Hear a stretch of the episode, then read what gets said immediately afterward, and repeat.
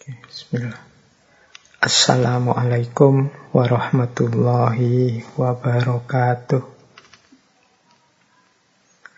Bismillahirrahmanirrahim. Alhamdulillahi rabbil alamin. Wabihi nasta'inu ala umuri dunya waddin. Allahumma salli wa sallim wa barik ala habibina wa syafi'ina Sayyidina wa maulana Muhammadin wa ala alihi wa ashabihi wa man tabi'ahum bi ihsanin ila yaumiddin. Amma ba'du. Bismillah teman-teman, mari kita lanjutkan ngaji filsafat kita, belajar bersama kita yang kita rutinkan setiap malam Kamis. Alhamdulillah malam hari ini kita sudah sampai di tokoh keempat di bulan ini yang berhubungan dengan eksistensialisme. Semoga teman-teman tidak jenuh, tidak bosan, masih siap untuk istiqomah. Nambah wawasan, nambah wawasan terus. Siapa tahu di antara wawasan-wawasan yang kita jelajahi di setiap minggunya ada yang cocok, ada yang sesuai untuk kehidupan kita. Baik, langsung saja kita mulai pembahasan kita malam hari ini.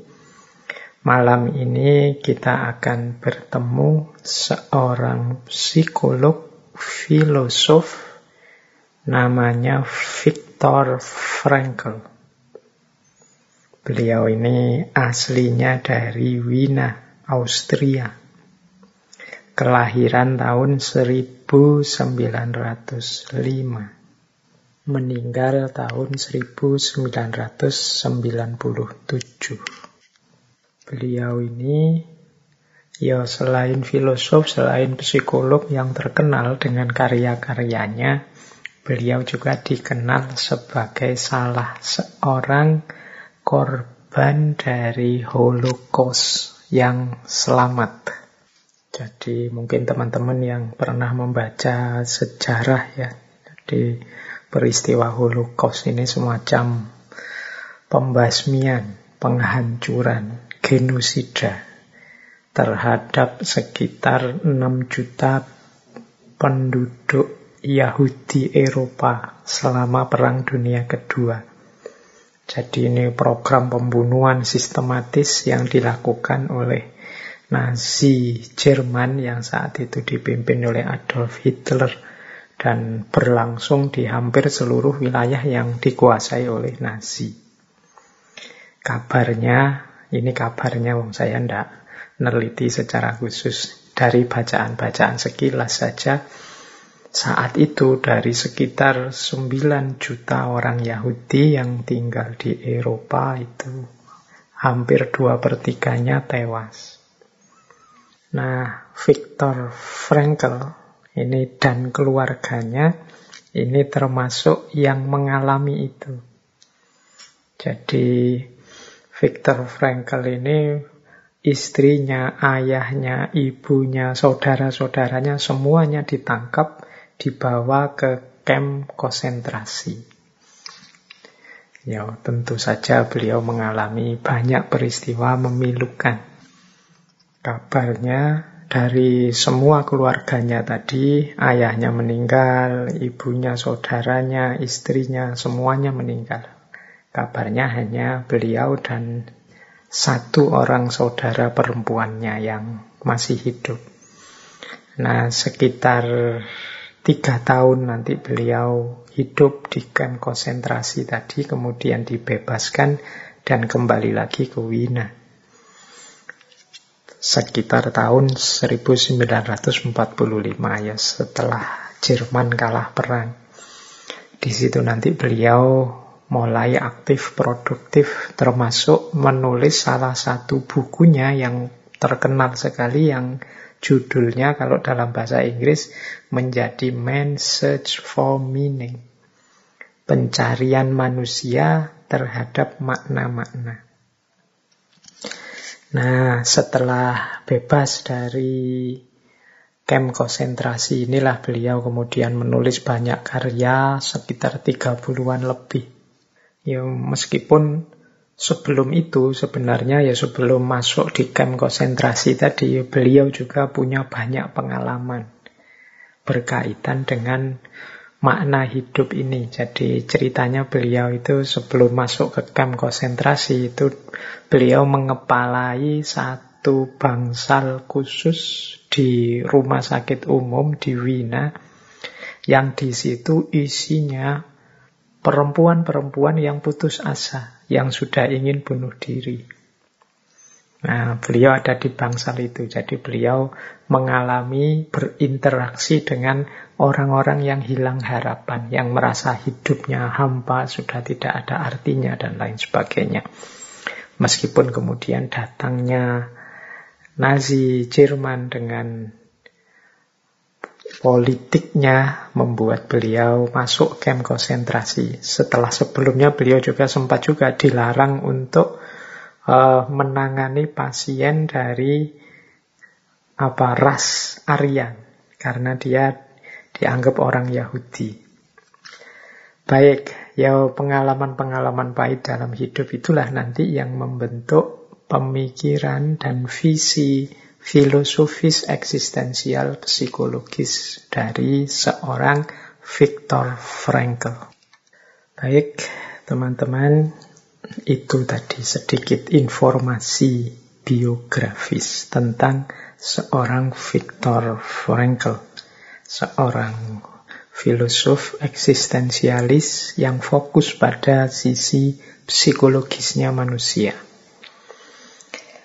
Oke, kita belajar sekarang gagasan-gagasan beliau.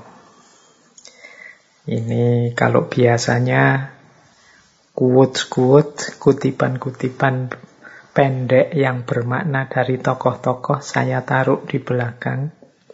Malam hari ini kita balik ya. Saya ingin mengangkat beberapa quotes dari Viktor Frankl ini yang menurut saya mewakili nanti seluruh gagasannya secara umum. Jadi kita tegaskan dulu beberapa hal sebelum nanti kita masuk membahas tentang dimensi eksistensial manusia. Baik, yang pertama begini, ada satu quote yang ini nanti mendasari seluruh pemikirannya Viktor Frankl yang bunyinya seperti ini. The meaning of life is to give life meaning makna hidup ini adalah dengan memberikan hidup ini satu makna. Ini kalimatnya rasanya kayak bulat. Tapi sebenarnya yang maksudnya Viktor Frankl ini, kita itu kan sering merasa hampa, rasanya hidup ini tidak punya makna. Terus kita berusaha mencari-cari makna. Kalau mengikuti quotes dari Viktor Frankl ini sebenarnya makna itu ya jangan hanya dicari tapi diberi. Mari kita beri makna pada hidup kita ini. Karena nanti menurut Viktor Frankl ya kunci diri kita, kunci eksistensi kita itu terletak pada makna yang kita berikan pada hidup ini. Hidup ini rasanya berat atau ringan, menyenangkan atau menyedihkan. Hidup ini rasanya menggembirakan atau membuat kita galau, putus asa. Itu sebenarnya tergantung makna yang kita tempelkan pada hidup ini. Jadi maka the meaning of life is to give life meaning. Makna hidup ini ya tergantung apa yang kita berikan, tergantung makna apa yang kita tempelkan pada hidup ini. Nah, selanjutnya ada yang kedua. Life is never made unbearable by circumstances, but only by lack of meaning and purpose. Hidup ini tidak pernah terasa berat, tidak tertanggungkan oleh berbagai situasi.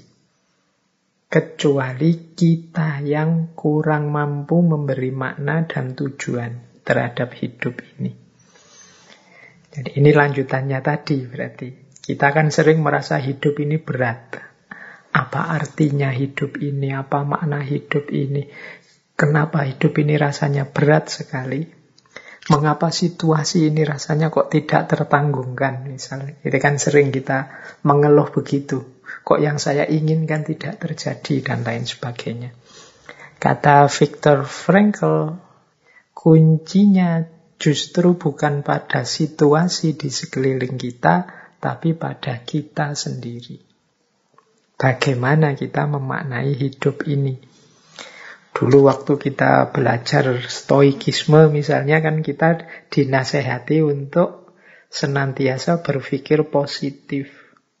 Karena di situlah rahasia kebahagiaan, kegembiraan kita. Itu kan berarti kuncinya ada pada orangnya, bukan pada situasinya. Situasinya kita gagal. Tapi ada orang yang memaknai kegagalan itu sebagai tantangan untuk ditaklukkan lebih jauh, ada yang memaknai kegagalan itu sebagai kehancuran dan keputusasaan. Loh, kuncinya kan bukan pada kegagalannya, tapi pada manusianya saat dia menyikapi kegagalan itu. Faktanya atau kondisinya, misalnya jagomu kalah. Misalnya ya mungkin kamu jago apa atau uh, kamu punya idola, ternyata idolamu kalah. Jagomu kalah mungkin dalam pertandingan apalah olahraga, bulu tangkis, apa sepak bola. Nah, ya memang faktanya begitu. Tapi kekalahan itu adalah sumber semangat bagi kita atau sumber kesedihan dan keputusasaan. Itu kuncinya ada pada kita. Jadi hidup ini tidak pernah berat oleh situasi, kata Viktor Frankl. Dia bisa jadi berat karena kita sendiri yang tidak mampu memberi makna dan tujuan terhadap hidup kita. Mungkin teman-teman sering ya dalam hidup ini menghadapi fakta-fakta pahit, kenyataan-kenyataan tidak menyenangkan. Apalagi hari ini informasi begitu deras peristiwa-peristiwa tidak enak, tidak cocok, yang tidak sesuai dengan kita itu kan senantiasa sampai pada kita lewat berbagai jalan termasuk lewat media-media sosial. Rasanya hidup ini terus suram sekali, rasanya hidup ini gelap sekali. Nah, itu sebenarnya kuncinya tidak pada fakta-fakta tadi, kuncinya ada pada tanggapan kita. Kalau kita membacanya, menempelkan makna yang positif, cerah, ceria, ya hidup ini tetap cerah, ceria. Tapi kalau kita menempelkannya dengan stiker yang buram, dengan makna yang buram, makna yang sedih, ya rasanya hidup ini memang menyedihkan. Jadi kalau ada pertanyaan, senang tidak sih hidup kita di Indonesia ini saat ini gembira enggak sih? Sebagai warga negara saat ini atau bahagia enggak sih sebagai manusia di dunia hari ini dan lain sebagainya? Itu jawabannya tidak pada situasi peradaban dunia atau situasi kebudayaan kita. Kebahagiaan atau kesenangan itu lebih banyak kuncinya ada pada diri kita sendiri. Jadi ada pada kacamata kita. Kalau kita pakai kacamata hitam, kita memaknai hidup ini secara gelap, ya hidup ini gelap. Tapi kalau kita pakai kacamata yang cerah, terang, hidup ini jadi terang. Kita maknai hidup ini sebagai kebahagiaan dan tantangan demi tantangan, bukan sebagai keburaman, kegagalan, dan keruwetan demi keruwetan. Sehingga kata Viktor Frankl, even when it not fully attained, we become better by striving for higher goal. Bahkan meskipun tujuan kita, makna yang kita tempelkan tadi tidak sepenuhnya tercapai, tapi hidup kita lebih baik dengan perjuangan kita untuk mencapai sesuatu yang lebih tinggi. Jadi dengan kita menempelkan makna yang positif, dengan kita menetapkan tujuan-tujuan di depan, yang tentu saja tujuan-tujuan yang tinggi, cita-cita yang tinggi, ini lebih baik. Meskipun mungkin nanti tidak tercapai sepenuhnya. Tapi hidup yang punya tujuan, punya orientasi, ini jauh lebih baik dibandingkan hidup yang serba putus asa, serba pesimis, serba bingung. Nah, dari tiga quotes ini mulai bisa diraba ya. Nanti arah pemikiran eksistensialnya Viktor Frankl ini ke mana. Jadi kata beliau, ini quotes yang keempat, decision, not condition, determine what a man is. Jadi keputusan-keputusan kita bukan situasi-situasi yang kita hadapi yang menentukan siapa diri kita. Boleh saja kita berhadapan dengan situasi-situasi yang pahit tapi bagaimana sikap kita, bagaimana respon kita menghadapi situasi yang pahit itulah yang nanti menentukan siapa diri kita. Yang nanti menunjukkan orang seperti apa kita itu. Nah, jadi ke sinilah nanti gagasan-gagasan Viktor Frankl akan ditujukan. Berarti apa? kuncinya tetap ada pada manusianya. Kalau kita ingin jadi manusia yang otentik, manusia yang punya kontribusi, manusia yang sesuatu dalam hidup ini, kuncinya ada pada diri kita sendiri, bukan pada kondisi dan situasi di sekeliling kita. Kondisi dan situasi di sekeliling kita ini adalah tantangan-tantangan, mungkin juga modal-modal, mungkin juga media-media yang itu jadi perantara untuk bisa kita taklukkan mencapai apa yang sudah kita putuskan tadi. Baik, ini empat quotes ini mungkin secara general menggambarkan nanti detail gagasan dari Viktor Frankl ke arah mana tujuannya. Oke, kita mulai sekarang membahas struktur gagasannya Viktor Frankl.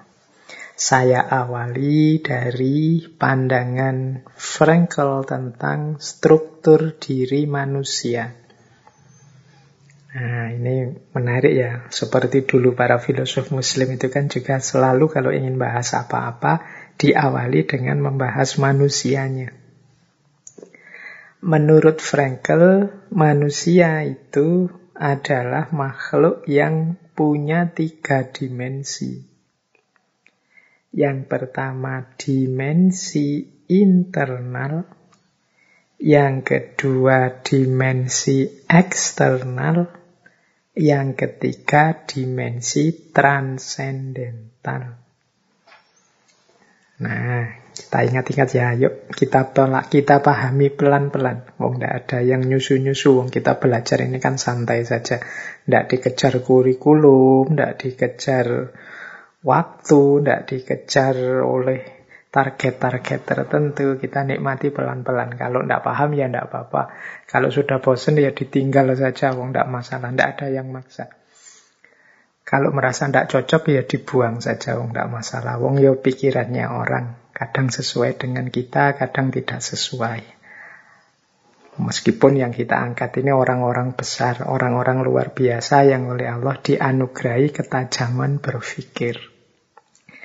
Nah, jadi manusia itu menurut Frankel ada internal, internal berarti sisi dalam dirinya, ada eksternal. Eksternal itu kondisi di luar diri dan ada transendental. Transendental itu kemampuan manusia melampaui dirinya, melampaui kondisi eksternalnya. Nah, menurut Frankl, dimensi internal manusia itu setidaknya ada lima. Yang pertama, kita itu punya bakat dan potensi. Jadi kita itu oleh Allah dianugerahi banyak sekali potensi-potensi. Tinggal kita mampu mengembangkannya atau tidak. Yang kedua, sarana atau media untuk mengekspresikan bakat dan potensi tadi. Ini kalau di Frankel isinya tiga. Jasmani, rohani, dan mental atau jiwa. Yang ketiga, daya. Jadi daya batin, daya pribadi. Ini kekuatan kita. Kalau menurut Frankel ada tiga, yaitu insting, pikiran, dan emosi. Kita, kita kan punya itu dalam diri kita kan kita punya emosi, kita punya insting atau naluri, kita juga punya akal, pikiran. Nah, terus kita punya kualitas kemanusiaan. Kualitas insani, kualitas kemanusiaan itu isinya adalah keinginan kita untuk hidup secara bermakna. Kualitas kemanusiaan ini nanti yang membedakan manusia dengan makhluk yang lain. Di sinilah manusia melahirkan karya, kreasi, melahirkan keunikan-keunikannya sebagai manusia. Ini kualitas insani. Dan yang kelima, kebebasan atau kemampuan milih yang terbaik untuk diri kita. Nah ini lima hal ini ada dalam diri kita. Mari kita manfaatkan sebaik-baiknya. Jadi kalau versi agama ya Allah menganugerahkan lima hal ini. Kita diberi potensi, kita diberi sarana, jiwa, raga, rohani, jasmani. Kemudian kita juga diberi kekuatan atau daya, insting, pikiran, emosi. Kita juga diberi kualitas kemanusiaan, yaitu keinginan-keinginan, kehendak-kehendak. Ini yang tidak ada di semua makhluk yang lain. Dan yang terakhir kita diberi kebebasan, yaitu kemampuan untuk menentukan milih mana yang terbaik untuk diri kita. Nah, ini kita yang ada di dalam. Yang di luar diri kita punya setidaknya dua situasi, yaitu kondisi lingkungan dan kondisi masyarakat di sekeliling kita.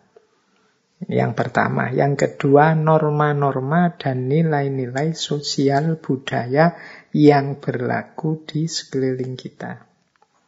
Jadi kalau dalam diri kita ada lima aspek tadi, terus berhadapan dengan dunia luar, dunia masyarakat, dunia lingkungan dengan nilai dan norma-normanya. Nah, tidak berhenti di situ. Manusia juga punya aspek transendental. Aspek transendental itu kemampuan manusia melampaui dirinya, baik kondisi internal maupun eksternalnya kemampuan manusia merancang hidupnya untuk semakin maju, semakin berkembang, melampaui situasi dirinya hari ini dan juga kondisi masyarakatnya hari ini. Kan hanya manusia yang bisa.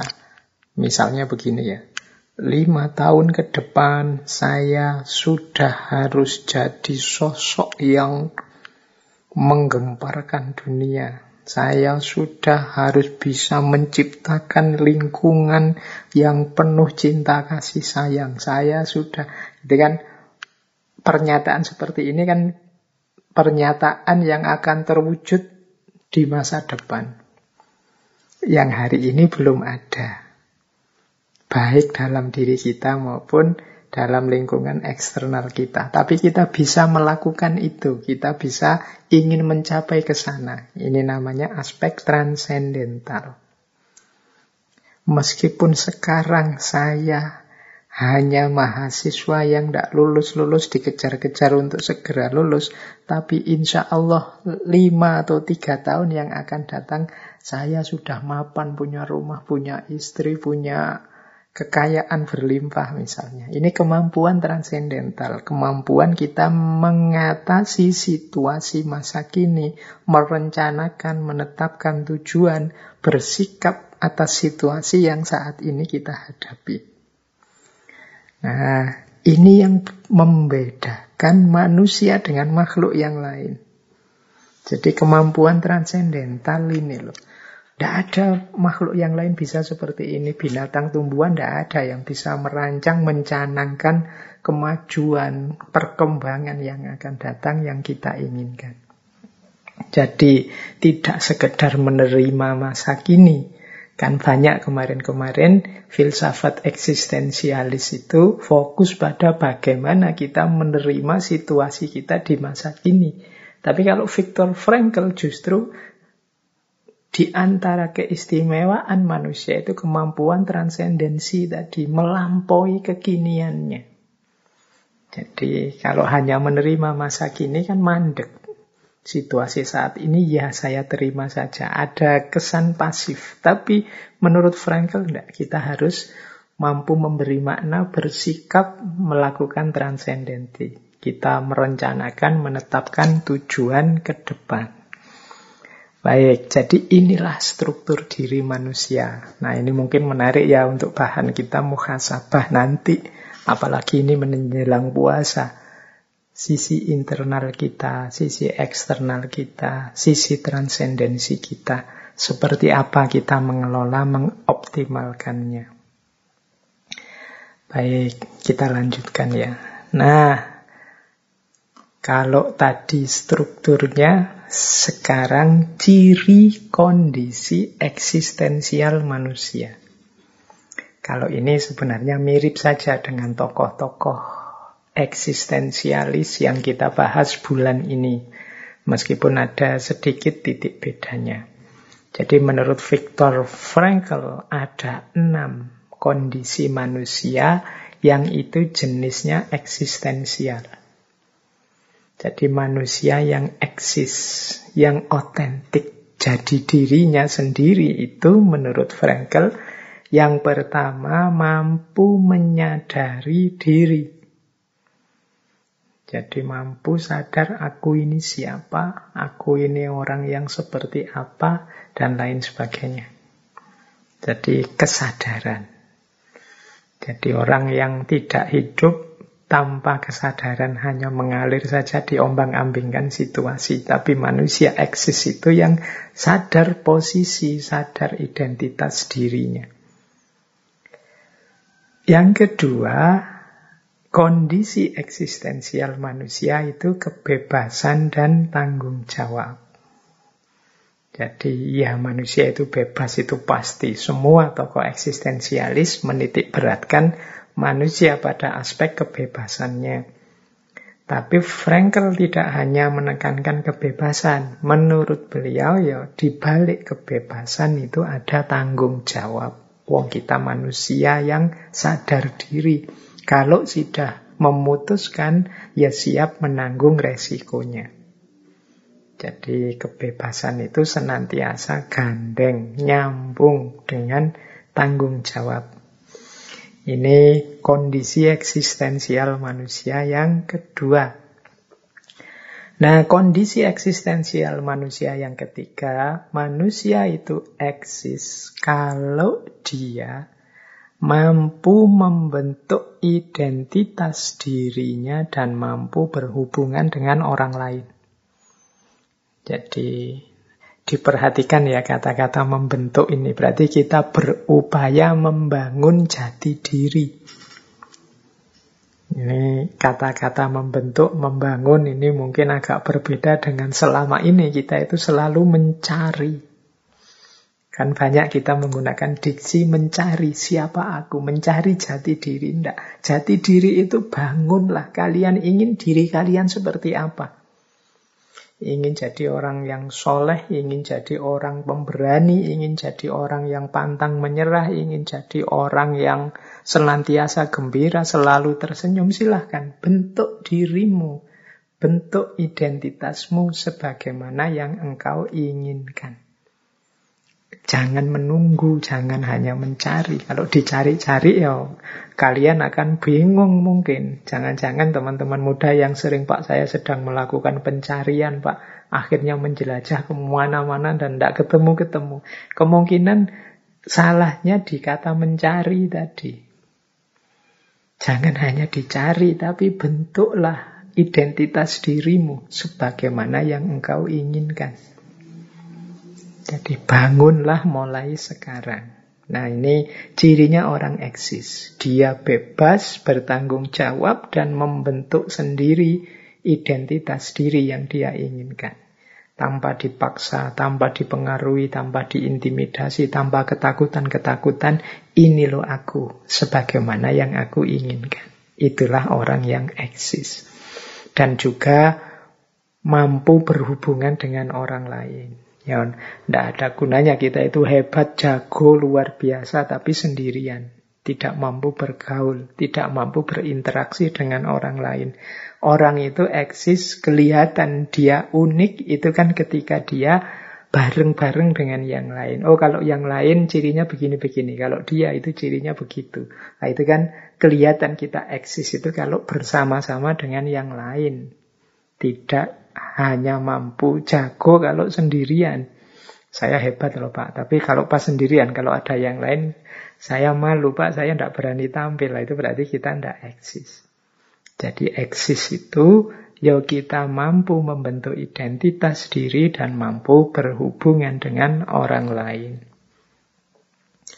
Nah, yang keempat, memberi makna hidup.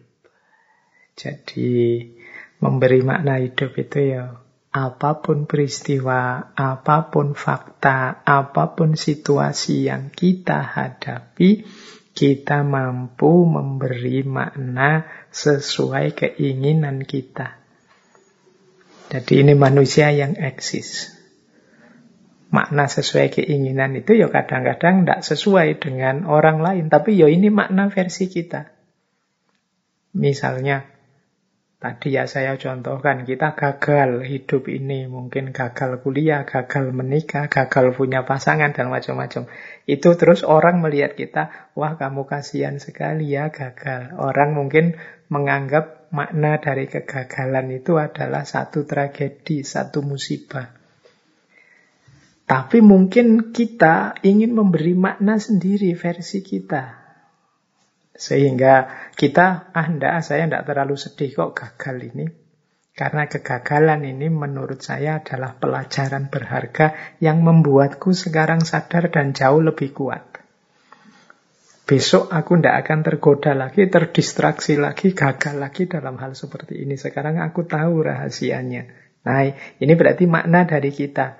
Orang lain membacanya, kita itu kasihan, mengalami kegagalan. Kegagalan berarti musibah. Tapi kita tidak. Kita menganggap kegagalan itu berarti pelajaran. Jadi berarti aku sekarang dapat pelajaran baru, hidupku akan jauh lebih tangguh, lebih kuat setelah ini. Ini namanya memberi makna hidup. Peristiwanya sama, kegagalan. Tapi kita mampu menempelkan makna sesuai keinginan kita. Nah, ini namanya orang eksis. Kata Frankel yang kelima, orang eksis itu orang yang punya curiosity, punya rasa ingin tahu. Orang yang punya rasa ingin tahu berarti dia akan terus belajar. Jadi terus nambah wawasan. Jadi yo kita setiap malam Kamis ini ngaji, semoga bagian dari perwujudan kita ingin eksis sebagai manusia bahwa kita juga ingin otentik, ingin hidup kita punya arti, punya makna. Sebagaimana kata Frankel kan salah satu syaratnya orang bisa eksis itu ya dia punya rasa ingin tahu. Semoga ngaji filsafat ini bisa mengatasi atau menjadi jalan untuk melampiaskan keinginan tahu kita untuk tentang banyak hal. Nah, kemudian yang terakhir orang eksis itu orang yang sadar bahwa akhir hidupnya adalah nanti kematian. Dia sekarang ada, nanti tidak ada. Nah, semangat kesadaran bahwa pada akhirnya aku akan tidak ada, ini kan di banyak filosof eksistensialis ini sering dijadikan pendorong untuk kita uh, semakin bersemangat hidup dan semakin gembira serta menikmati situasi hidup kita apa pun itu. Karena apa? Ya karena ini tidak selamanya begini. Masa hidup sekali saja kok nangis terus misalnya. Masa hidup sekali saja kok murung terus. Masa hidup sekali saja kok kita galau terus. Wong yo nanti semua orang pasti mati. Yuk kesempatan ini kita pakai untuk gembira, untuk menikmati, untuk mengekspresikan diri sesuai yang kita inginkan. Masa hidup sekali saja keinginan kita kita gadaikan pada orang lain. Kita hidup tanpa mengekspresikan apa yang ingin kita wujudkan. Eman-eman. Nah, jadi inilah enam kondisi eksistensial manusia. Menurut Viktor Frankl. Baik, nah sekarang kita lihat sebentar Bagaimana sih persepsi seorang eksistensialis itu tentang hidup, kehidupan, dan manusia? Menurut Frankel, bagi seorang eksistensialis, dunia ini adalah sesuatu yang penuh potensi makna untuk diaktualkan. Jadi Dunia ini isinya adalah potensi-potensi makna. Ya segala macam peristiwa, segala macam kejadian kita dalam hidup ini kan sebenarnya ladang bagi pemaknaan. Kita manusia itu makhluk yang senantiasa memaknai. Peristiwa apa pun kan kita maknai. Peristiwa kecelakaan, oh itu musibah. Tapi bagi yang lain, oh itu ujian itu. Oh itu peringatan kita selama ini terlalu sembrono. Nah ini dunia. Jadi memang peristiwa-peristiwa isinya dunia itu potensi-potensi makna. Jadi kenapa disebut potensi? Potensi itu kan berarti masih kemungkinan. Masih mengandung, belum lahir maknanya. Nanti yang melahirkan siapa? manusia. Jadi posisinya manusia di hadapan dunia, manusia adalah makhluk yang menciptakan dan menemukan makna. Dialah yang melahirkan makna sesuai kebebasan dia. Kalau tadi kan masih potensi belum aktual, yang mengaktualkan makna itu manusia. Jadi makna itu dari kita, dari manusia. Nah, tapi ternyata hidup ini, dunia ini ya tidak selalu menyenangkan. Banyak hal-hal menyedihkan, banyak penderitaan, banyak musibah, banyak kecelakaan. Tidak masalah, kata Frankel. Bagi seorang eksistensialis, semua itu ya memang peristiwa-peristiwa yang lazim dalam hidup ini atau kalau bahasa kita selama ini sunnatullah. Jalan keluarnya apa? Jalan keluarnya makna tadi loh. Jadi tidak usah khawatir dengan segala kerumitan hidup ini. Hidup ini rumit atau tidak, hidup ini suram atau tidak, hidup ini menyedihkan atau tidak. Kuncinya di manusianya yang memberi makna. Jadi jalan keluarnya apa? Makna. Mari kita beri makna hidup ini secara eksistensial, sesuai yang kita inginkan. Termasuk terhadap kesulitan, terhadap penderitaan, terhadap bahkan kematian. Dan itulah istimewanya manusia. Jadi makhluk yang berenang dalam lautan makna. Jadi hidup ini apa, kematian ini apa, penderitaan ini apa, kesulitan ini apa. Ini kuncinya tidak pada kematiannya, kehidupannya, atau kesulitannya. Kuncinya ada pada manusianya. Nah ini mungkin menarik ya kalau kita sambungkan dengan pengalaman mungkin traumatiknya Viktor Frankl. Beliau menyaksikan langsung betapa pahitnya kehidupan dalam kem konsentrasi. Toh demikian, manusia tetap bisa tidak putus asa dan memberikan makna-makna yang eksistensial terhadap hidupnya. Ini istimewanya manusia, mengalami peristiwa sepahit itu pun tidak menyerah. Kalau teman-teman membaca bukunya Viktor Frankl yang judulnya Man's Search for Meaning, itu kalau dipetakan ya bagaimana manusia menghadapi peristiwa yang sangat tragis dan sangat pahit dengan pemaknaannya, itu ada fase awal, fase kedua, ada fase ketiga. Ini saya jelaskan sekilas ya, tapi kalau teman-teman tertarik boleh membaca bukunya, kelihatannya terjemahannya juga sudah ada. Fase pertama ketika kita berhadapan dengan peristiwa pahit dalam hidup kita yang mengganggu penghayatan eksistensial kita dalam hidup, ya Fase pertama ini ketika kita langsung mengalami peristiwa yang memilukan, mengejutkan hidup kita, yang tragis. Ini tahap pertama. Biasanya tahap pertama itu kita berhadapan dengan opsi, kata Frankel, ini saya terima saja, atau sudahlah saya putus asa, bunuh diri saja jalan keluarnya kan. Ada Salah satu opsi kalau sudah sangat pahit kan begitu. Apalagi melihat istrinya, beliau kan istrinya, ayah ibunya, saudara-saudaranya meninggal di kem konsentrasi tadi.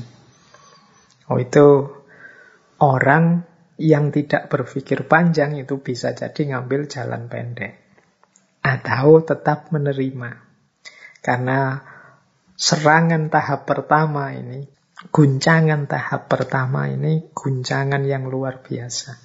Di sinilah kita penting berusaha bertahan. Jadi sama seperti kalau orang sedang marah, orang yang sedang sangat sedih itu mungkin saatnya untuk menarik diri sebentar. Tidak kesusu menyimpulkan atau memutuskan apa pun menunggu sampai pemikiran kita jernih. Jadi ini untuk teman-teman semua yang mungkin yang sedang digalaukan, disedihkan, disumpekkan oleh hal apa pun dalam hidup ini. Kalau memang sedang tidak jernih berpikirnya, sedang emosinya sedang sangat tidak stabil, moodnya sedang sangat rendah, tarik diri sebentar. Kalau dalam agama ya saatnya kita mendekat ke atas. Tapi intinya memang jangan kesusu memutuskan. Jangan kesusu mengambil kesimpulan yang terburu-buru. Nah, kalau kita lolos di tahap pertama ini, kita akan masuk tahap kedua. Tahap kedua itu ya kita berhasil bertahan meskipun sangat pahit. Jadi meskipun hati kita tercapek-capek, air mata kita rasanya kering, tapi kita tetap berusaha bertahan. Nanti ada fase apatis. Fase apatis itu fase ketika kita sudah pasrah sepasrah-pasrahnya dan tidak percaya lagi situasi akan lebih baik. Ini fase apatis. Ah, sudahlah. Yes, memang ini tidak bisa diperbaiki lagi. Ini memang situasinya sudah fatal, sudah akut seperti ini. Ini fase apatis. Jadi kayak kita kalau sedih itu loh, mungkin sedih ditinggal orang yang kita cintai. Itu kan pada tahap pertama betapa kita ini seakan tidak percaya. Ketika kita sudah bertahan, kemudian muncul apatisme. Apatisme itu, wah ini mesti tidak bisa baik lagi, situasinya mesti akan seperti ini terus. Seolah-olah kesedihan itu tidak akan ada akhirnya. Tapi ya di fase kedua ini karena kita sudah mampu bertahan biasanya ya kita mati-matian ingin survive, ingin tetap bertahan apa pun yang terjadi. Ini menarik teori ini kalau nanti teman-teman membaca misalnya psikologinya orang-orang yang terjajah misalnya. Dulu nenek moyang kita, simbah-simbah kita yang mengalami penjajahan ratusan tahun itu mungkin juga mengalami peristiwa ini. Betapa menyedihkan, betapa galau, tapi yo berusaha mati-matian bertahan dengan harapan semoga nanti ada situasi yang lebih baik. Meskipun ada fase apatisnya, fase apatisnya itu wah sudah tidak mungkin lagi, ya memang situasinya seperti ini.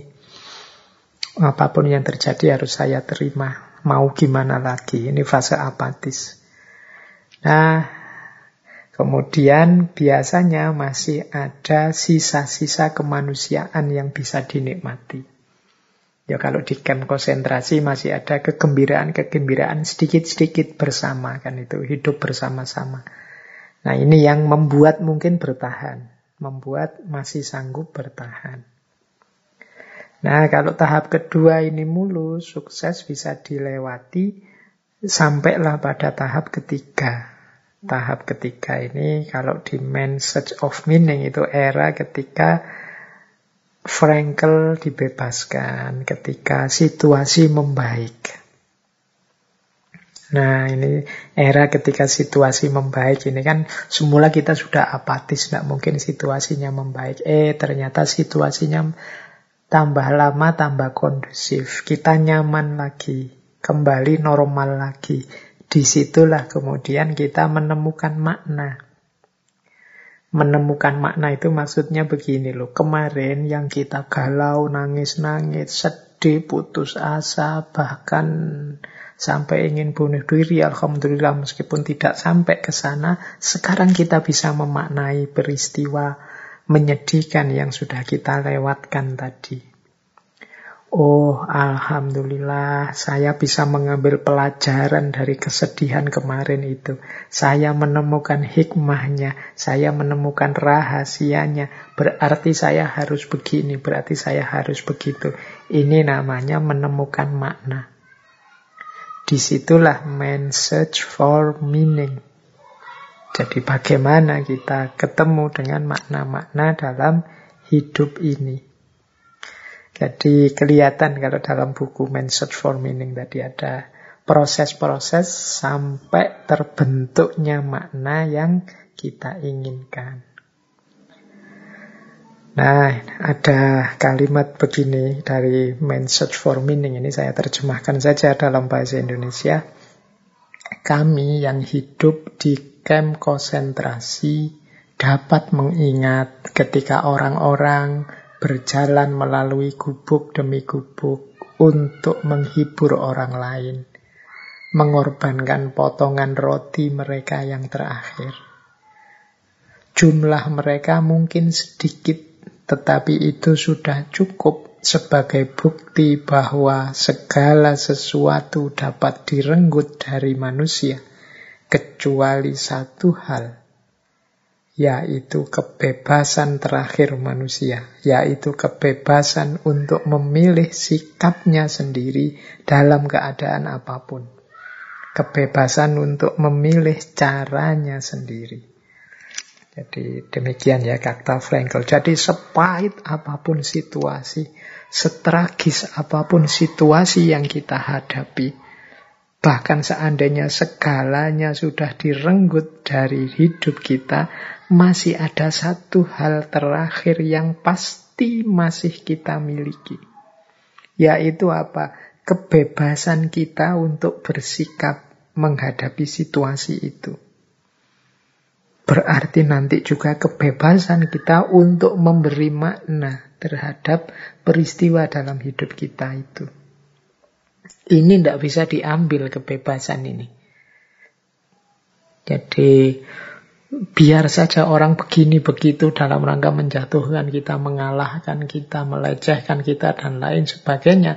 Tapi respon kita terhadap semua itu, seandainya kita sudah tidak punya apa pun lagi, dia adalah satu-satunya yang tidak mungkin bisa diambil oleh siapa pun dari diri kita. Yaitu kebebasan kita untuk memilih sikap dan memberi makna terhadap hidup kita.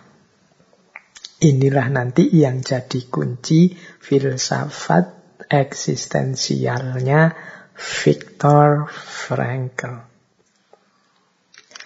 Baik, jadi ini pengantar materinya. Kita ambil nafas sebentar sebelum masuk ke babak utama konsep eksistensialismenya Viktor Frankl ini ya. Oke, kita lanjutkan teman-teman. Silahkan yang mau minum-minum dulu, mau cemilan-cemilan dulu. Karena kajian kita mungkin agak terlalu panjang ya, dua jam.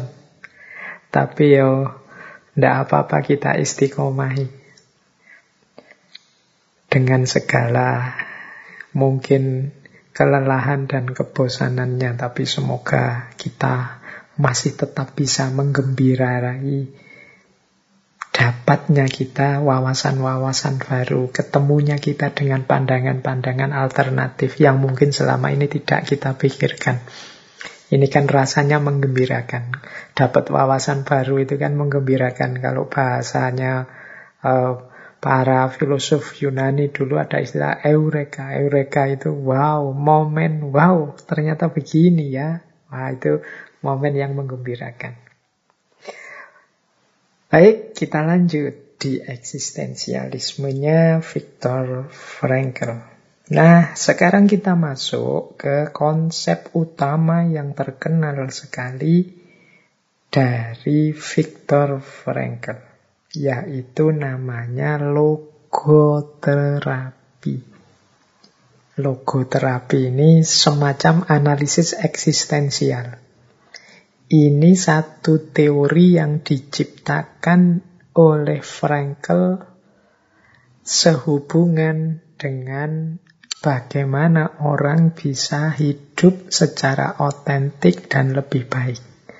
Jadi logoterapi ini konsepnya tidak terlalu rumit, tapi lebih ke praktis. Dan ini dipakai oleh beliau dalam praksis-praksis beliau saat melakukan psikoterapi.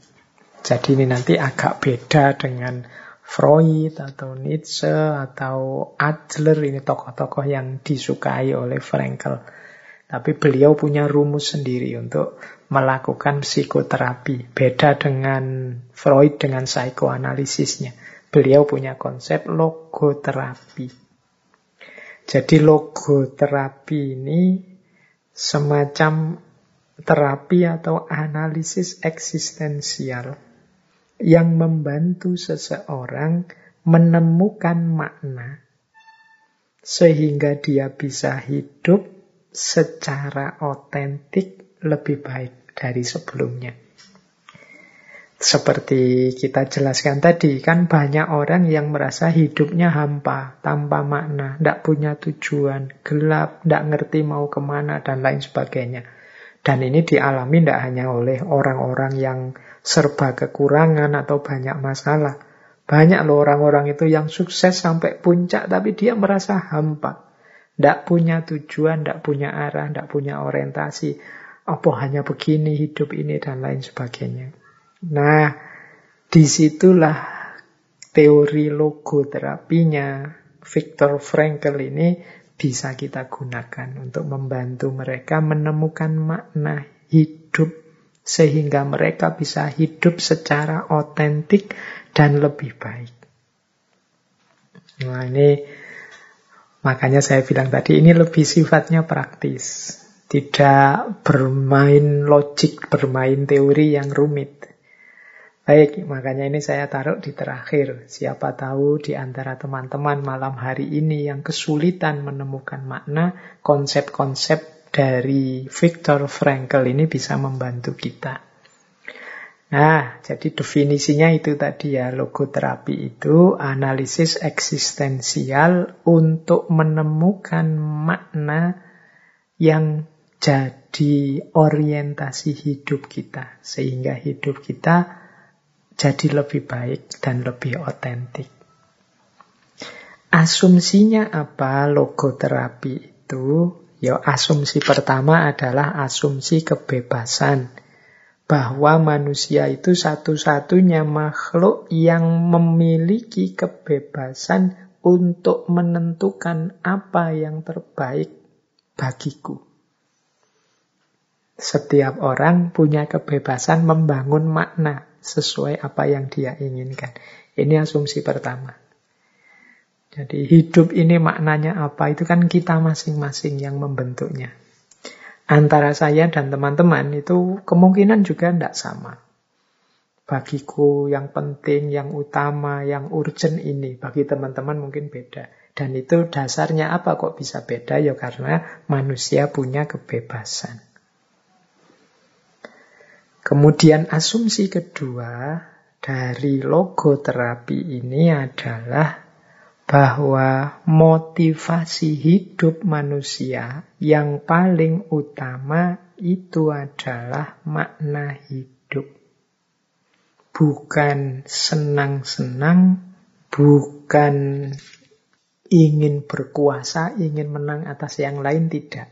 Jadi kata Viktor Frankl, tidak. Manusia itu justru pendorong utamanya untuk hidup, motivasi utamanya untuk bersemangat tetap hidup itu makna. Loh Pak, kenapa ada orang kok tujuan hidupnya senang-senang? Ingin kaya, senang dengan kekayaannya. Mungkin dia punya makna bahwa jumlah kekayaan itulah jadi yang penting dalam hidup ini. Jadi kuncinya tetap ada pada makna.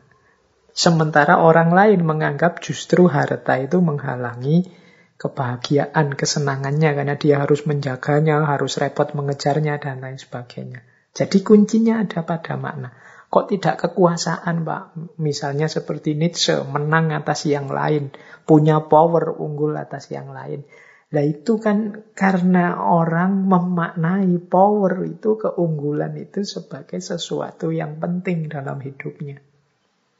Sehingga dia berusaha menuju ke sana, mengejar kekuasaan itu. Itu kan lagi-lagi makna. Sementara bagi orang lain, yang penting itu bukan kekuasaan, tapi kenyamanan hidup. Maka dia mengejar kenyamanan itu. Mungkin bagi yang lain ya, yang penting bukan itu, tapi ridhonya Tuhan misalnya, para sufi. Nah itu ya dia ke sana mengejarnya. Jadi kuncinya hidup ini yang menggerakkan orang, yang memotivasi orang untuk tetap bersemangat hidup, itu ya makna-makna hidup yang diyakininya. Jadi asumsi kedua, perjuangan menemukan makna hidup adalah motivasi utama bagi seseorang. Nah, jadi kuncinya ternyata makna. Lah terus tujuannya apa logo terapi ini? Logo terapi ini berusaha membangkitkan kemauan untuk bermakna dalam diri setiap orang. Ya seperti tadi ya kan banyak orang yang merasa hidupnya hampa. Banyak orang yang merasa hidupnya tidak bermakna. Maka dengan logo terapi ini maunya Frankel kehendak untuk hidup bermakna itu bangkit lagi. Jangan sampai orang-orang merasa bosan hidup, tidak mau melanjutkan hidup karena menganggap hidup ini apa gunanya, tidak ada artinya. Di situlah pentingnya logo terapi menurut Frankel. Nah, logo terapi ini beda dengan teori-teori psikologis atau eksistensial yang lain. Kalau teori-teori psikologis sebelumnya, misalnya psikoterapi, itu kan orientasinya ke masa lalu. Kalau teman-teman ngerti psikoanalisisnya Freud itu kan kembali ke masa lalu, timbunan-timbunan bawah sadar dibongkar yang mempengaruhi hidup kita. Atau ada tokoh yang tidak ke masa lalu, tapi ke masa kini. Kan banyak kemarin tokoh-tokoh eksistensial itu ya menganggap kuncinya hidup ini ke masa kini. Jadi saat ini penerimaan kita, kesetujuan kita terhadap hidup sekarang dan di sini yang kita alami hari ini. Nah, tapi di logo terapi ini orientasinya tidak ke masa lalu atau saat ini, tapi future oriented ke masa depan. Jadi bagaimana kita membangun hidup penuh makna ke depan. Peristiwa hari ini kita maknai sekarang demi menuju masa depan yang lebih baik. Inilah logo terapi. Jadi tidak sibuk dicengkeram oleh masa lalu, tidak pasif menyerah dengan situasi yang dihadapi saat ini, tapi kita bangun makna, kita tetapkan tujuan sesuai makna yang kita tetapkan tadi demi masa depan yang lebih baik.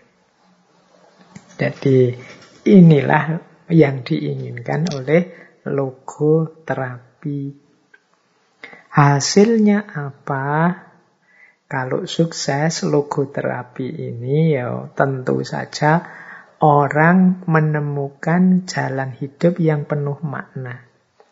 Orang sadar bagaimana dia harus bertanggung jawab kepada hidupnya. Jadi bagaimana dia harus mempertanggungjawabkan hidupnya, memutuskan sendiri apa yang dia inginkan. Jadi kuncinya di situ nanti. Setelah melakukan logo terapi, orang kemudian menemukan makna, kemudian dia memutuskan apa yang harus dia lakukan, dan siap mempertanggungjawabkan hidupnya dengan makna dan keputusan tadi. Inilah yang dimaksud hidup yang eksis.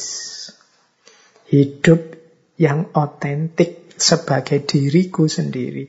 Aku membangun makna hidup sesuai yang aku inginkan, kemudian aku putuskan apa yang harus aku lakukan, dan aku siap bertanggung jawab terhadap apa pun resikonya. Inilah hidup yang eksis, hidup yang otentik. Ke sinilah maksud dari logoterapi tadi. Baik, kita baca pelan-pelan ya konsep-konsep logo terapinya Viktor Frankl ini. Mungkin nanti akan berguna bagi kita menghadapi krisis-krisis, menghadapi problem-problem dalam hidup. Tadi sudah sedikit dijelaskan uh, tentang definisinya, asumsinya, tujuannya, orientasinya, dan hasilnya. Kita lanjutkan lagi. Sekarang asas-asasnya. Berarti dasar-dasarnya. Logoterapi dalam konsepnya Viktor Frankl ini punya tiga dasar. Jadi mengapa sih kok orang harus menghidupkan makna itu dasarnya tiga. Yang pertama, menurut Frankel, hidup itu selalu punya makna. Bahkan dalam situasi penuh penderitaan, situasi setragis apa pun. Jadi selalu bisa dimaknai. Silahkan teman-teman meleh momen apa pun dalam hidup kita. Sekaligus mungkin bisa dicek kita dulu memaknai momen itu sebagai apa. Bahkan mungkin sekarang pemaknaan kita terhadap peristiwa itu bisa saja berubah. Itulah manusia. Jadi selalu punya makna untuk ditempelkan pada apa pun, momen apa pun dalam hidup.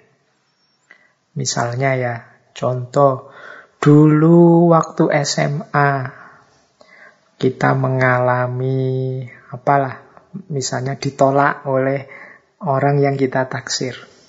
Wow, saat itu kita memaknai peristiwa penolakan itu sebagai bencana, musibah, kesedihan yang tidak tertanggungkan.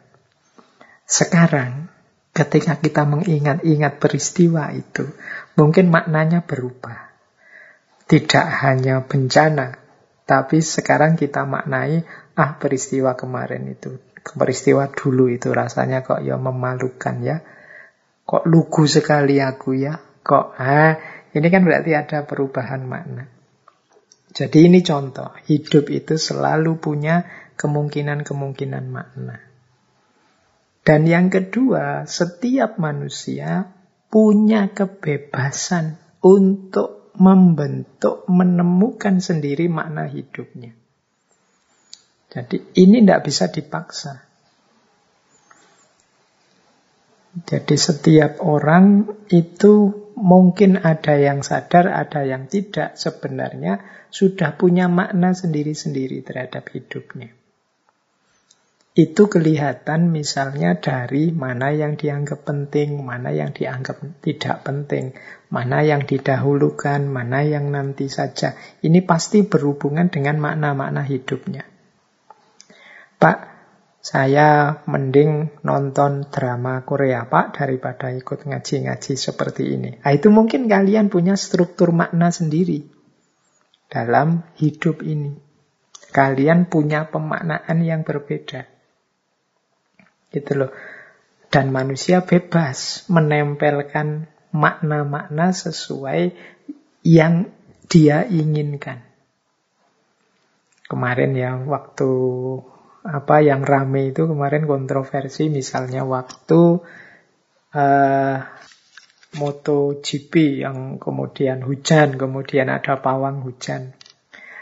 Ya peristiwa pawang hujan itu kan terus ada yang memaknai Wah ini kearifan lokal. Sementara yang lain memaknai, wah itu musyrik itu. Yang lain memaknai, wah ini budaya bangsa loh, unik loh ini. Di sana-sana tidak ada, hanya di kita adanya. Kemudian ada lagi yang memaknai. Makna itu banyak, dari masing-masing kepala mungkin ada makna yang tidak sama. Dan itulah manusia.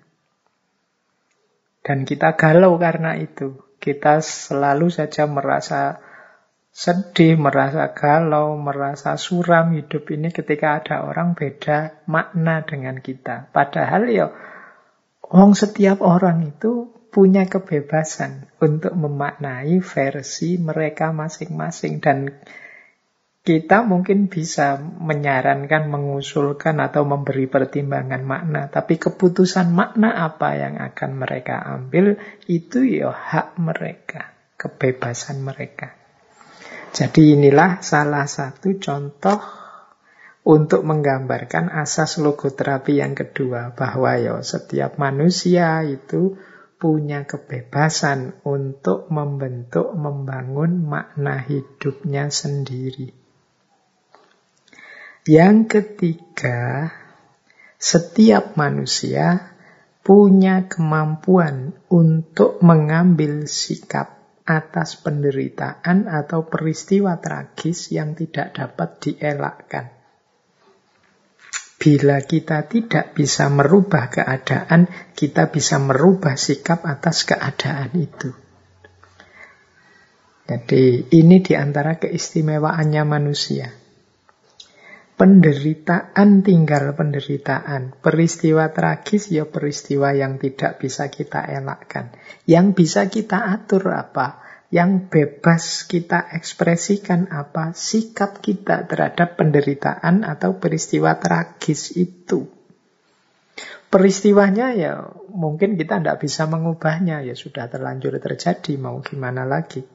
Faktanya begitu menyakitkan memang, menyedihkan memang, dan lain sebagainya. Tapi sikap kita terhadap peristiwa yang menyakitkan atau peristiwa yang menyedihkan tadi kan sepenuhnya tergantung kita.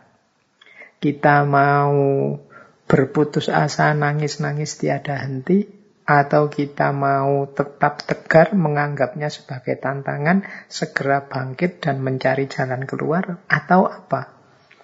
sepenuhnya terserah kita. Atau kita beri jatah, kamu boleh sedih, wahai diriku, tiga hari saja ya, atau seminggu saja ya. Setelah itu ayo bangkit. Atau kamu jangan sedih ya jiwaku, ini hidup ini masih panjang, tantangan masih berat, jadi ayo segera bangkit lagi. Atau kita ngambil sikap, ya sedihlah, nikmatilah kesedihan itu, sepuasmu, se... Nah itu kan tergantung kita. Jadi setiap orang punya kebebasan mengambil sikap atas peristiwa-peristiwa tragis dalam hidupnya. Ini yang dilihat antara lain oleh Frankel di kem-kem konsentrasi.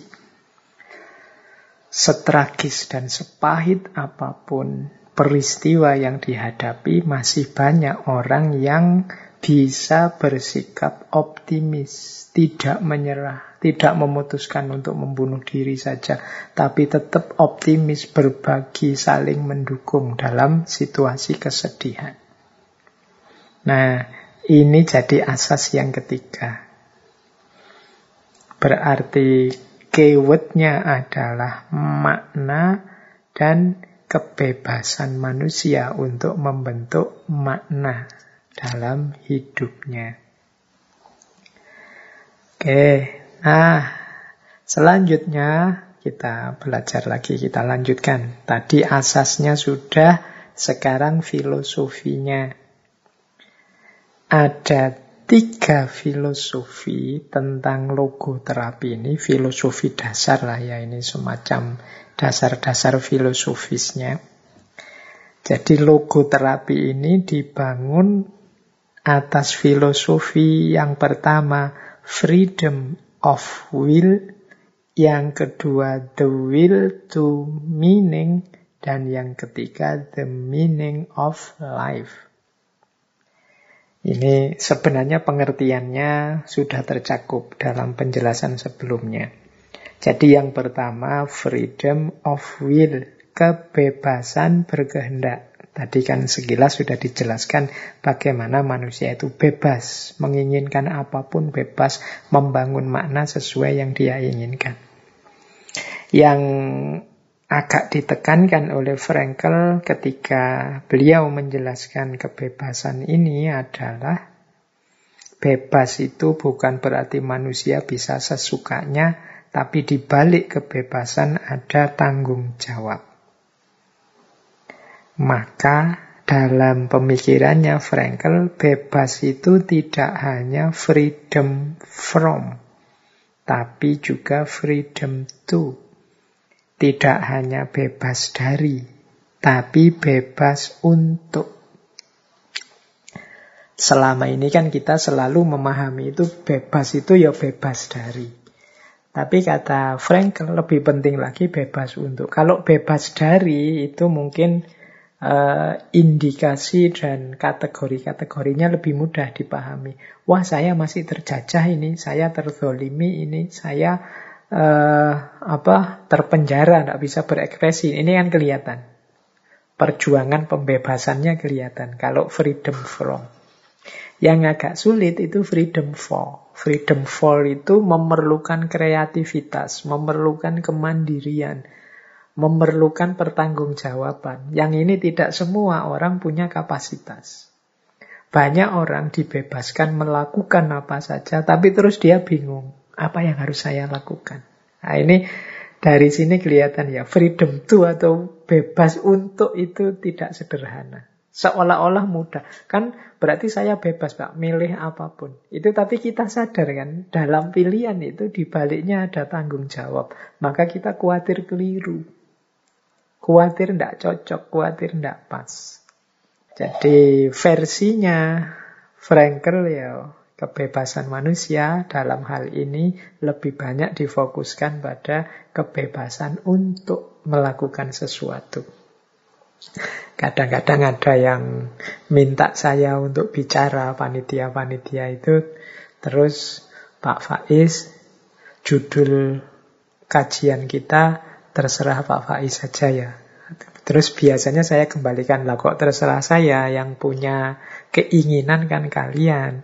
Silahkan kalian milih bebas saja. Kalian ingin tema apa yang kalian inginkan, yang kalian rasa saya mampu bicara, monggo. Tapi terus mereka merasa khawatir keliru, khawatir tidak pas, khawatir tidak cocok, khawatir salah pilih. Tetap kemudian tidak apa-apa, Pak. Terserah Bapak saja. Loh, ini kan unik ya. Diberi kebebasan, tapi kebebasannya dia tidak mampu menggunakan. Karena khawatir resikonya tidak cocok. Oh itu persis kalau teman-teman tanya pada pasangannya mau makan di mana, terserahlah. Terserah itu nanti kita yang milih. Dia tidak berani milih, padahal punya keinginan. Sehingga ketika kita milih sesuai versi kita dan tidak cocok dengan versi dia, ya rame pada akhirnya. Nah, ini freedom to, freedom for. Nah, kebebasan itu ini melanjutkan ya. Frankel menjelaskan kebebasan manusia itu ditopang oleh dua kemampuan. Kalau kita ingin mengimplementasikan kebebasan kita dengan bagus, dengan pas, sesuai, ya kita harus mampu yang pertama mengambil jarak dari situasi sekeliling kita, dan yang kedua bahkan mengambil jarak dari diri kita sendiri. Sehingga kita bisa membaca situasi secara lebih objektif. Tidak salah pilih. Ini dalam rangka freedom to tadi. Nah, saya lanjutkan. Jadi yang pertama, filosofi dasarnya logoterapi itu freedom of will. Kebebasan untuk berkehendak.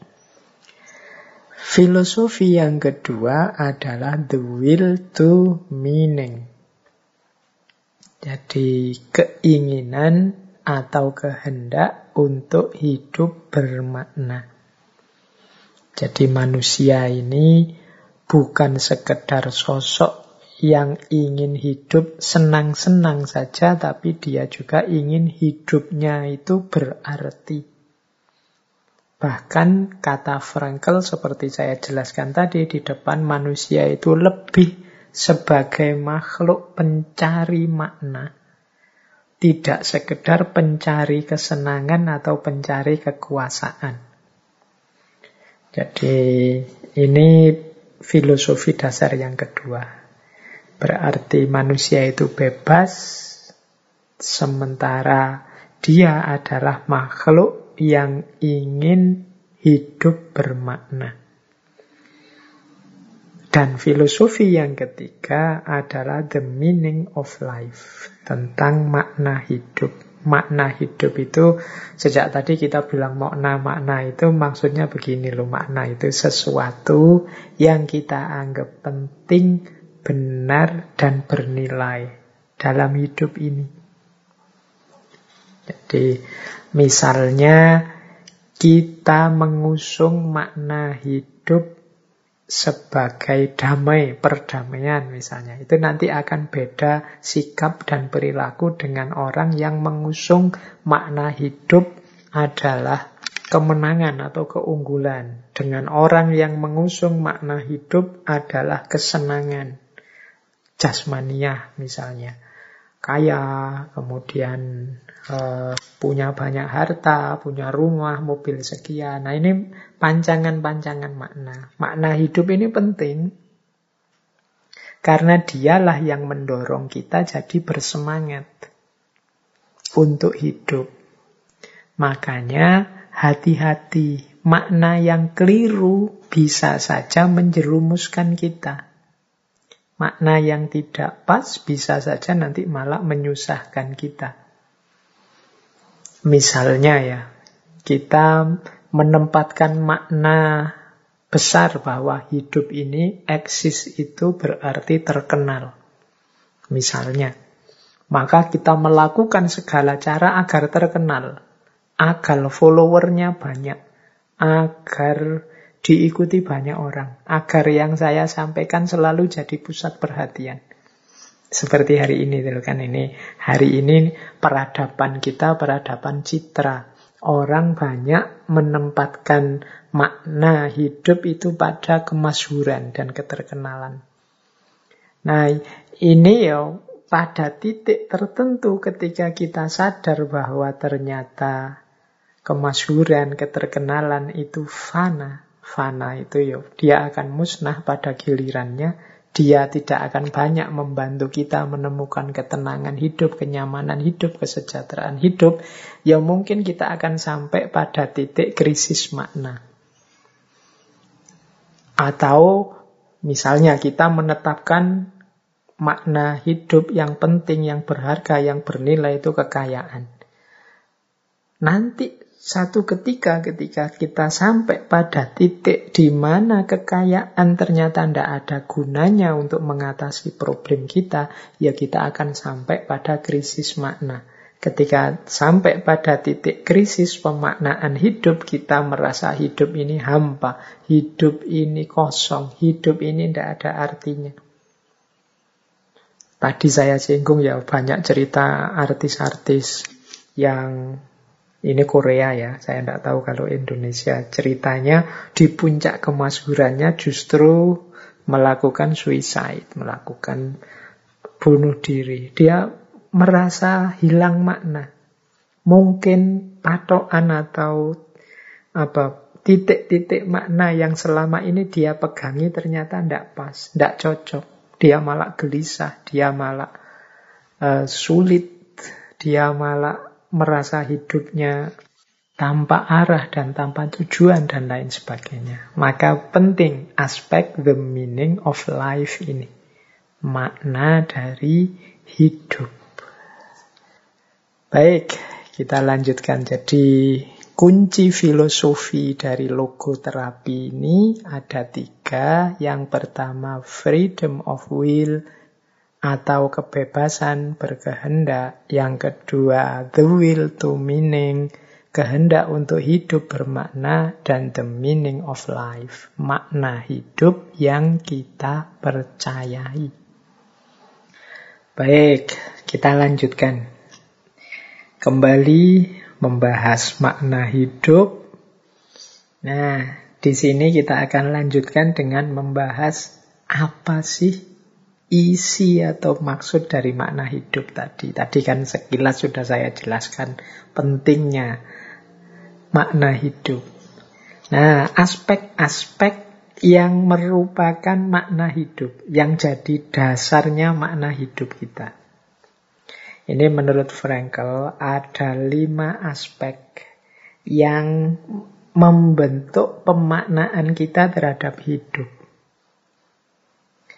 Aspek yang pertama adalah arti hidup. Jadi makna hidup itu antara lain berarti apa yang kita anggap berharga dan kita tuju dalam hidup ini. Inilah makna hidup. Jadi misalnya ya, seperti Frankel dan kawan-kawan tadi. Mungkin dia merasa ketika di camp konsentrasi hidupnya tidak lama lagi. Mungkin kemudian di situ dia memaknai hidup ini, ah umur panjang atau umur pendek tidak masalah, yang penting hidupku bahagia. Yang penting bisa menikmati apa dari waktu yang tersisa ini. Nah ini hubungannya dengan arti hidup. Jadi makna hidup yang pertama itu berhubungan dengan yang kita anggap berharga dalam hidup dan yang kita jadikan tujuan hidup. Yang kedua, makna hidup itu berhubungan dengan kepuasan hidup. Jadi penilaian kita terhadap hidup ini. Kita puas enggak? Atau kita kurang puas enggak? Sejauh mana kita nikmati, kita puasi hidup kita ini. Ini kepuasan hidup. Jadi makna hidup itu penilaian kita terhadap hidup kita sendiri. Bagaimana sih hidup yang membuat kita puas itu? Nah, ini nanti berhubungan dengan makna hidup. Hidup puas itu ya kalau saya sukses, dapat gelar doktor, kemudian punya harta banyak, punya anak, punya istri yang sejahtera misalnya. Jadi makna hidup berhubungan dengan kepuasan hidup. Yang ketiga, makna hidup juga berhubungan dengan kebebasan. Jadi berarti apa? Kita bebas mengekspresikan, menentukan apa-apa yang kita anggap berharga atau bernilai. Mungkin ada orang yang sukses, kaya raya, tapi sebenarnya dia tidak menginginkan itu. Dia terpaksa saja di situ. Sehingga meskipun dia sukses atau kaya raya, dia merasa hidupnya tidak bermakna. Dia tidak bebas mengekspresikan keinginannya. Dalam sejarah kan banyak itu kan ada para raja yang kemudian merasa terkungkung, akhirnya keluar dari kerajaannya, mengekspresikan dirinya secara bebas sesuai makna yang sudah dia dapatkan. Ada Buddha, ada kemarin Sufi itu, Ibrahim bin Adham, itu kan prinsip makna hidupnya berbeda dengan yang sebelumnya dia jalani. Akhirnya kan dia milih melepaskan semuanya, membebaskan diri dari semuanya, dan secara bebas memaknai hidup, membentuk hidup sesuai yang dia inginkan. Jadi di antara dasarnya makna hidup itu kebebasan. Jadi hidup nyaman, terjamin, tentram, tapi tidak bebas ya. Orang tetap merasa hidupnya hampa, tidak bermakna, tidak sesuai yang dia inginkan. Nah, kemudian sikapnya terhadap kematian. Ini menarik. Kalau versinya Frankel ini ya persepsi seseorang terhadap bahwa nantinya kita ini tidak ada loh. Nantinya kita ini akan mati loh. Nah, ini juga menentukan makna hidup. Ada orang yang setelah sadar bahwa nanti akan mati, terus meninggalkan dunia. Wah, berarti dunia ini tidak penting. Yang penting hidup sesudah mati. Ada yang kemudian menyimpulkan, wah ini berarti aku harus menikmati hidup sepuas-puasnya, seneng-seneng sepuas-puasnya. Karena nanti setelah ini aku mati. Ada yang, wah ini aku harus siap-siap ini. Dunia harus aku jadikan kendaraan persiapan menuju sesudah mati dan lain sebagainya. Ada aneka ragam sikap manusia menghadapi kenyataan bahwa nanti kita akan mati pada akhirnya kita akan meninggal siapa pun dia. Ini berhubungan dengan makna hidup. Ada orang yang cuek, ada orang yang tegang, ada orang yang putus asa, ada orang yang tambah semangat menyikapi kematian ini. Jadi di antara aspek dasar makna hidup itu sikap terhadap kematian. Kemudian sikap terhadap masalah. Ini juga sering membentuk makna hidup. Kalau ada masalah apa yang harus aku lakukan? Kalau ada problem traumatik, peristiwa tragis, apa yang harus aku lakukan? Ini sikap terhadap permasalahan bunuh diri saja. Karena di kalimatnya bukunya Frankel itu sikap terhadap bunuh diri.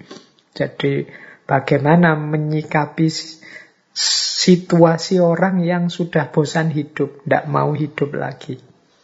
Ini ketika orang kehilangan makna. Seperti saya ceritakan tadi, beliau sebelum masuk camp konsentrasi itu di rumah sakit dia di bangsal yang bagian orang-orang yang putus asa, yang tidak ingin hidup.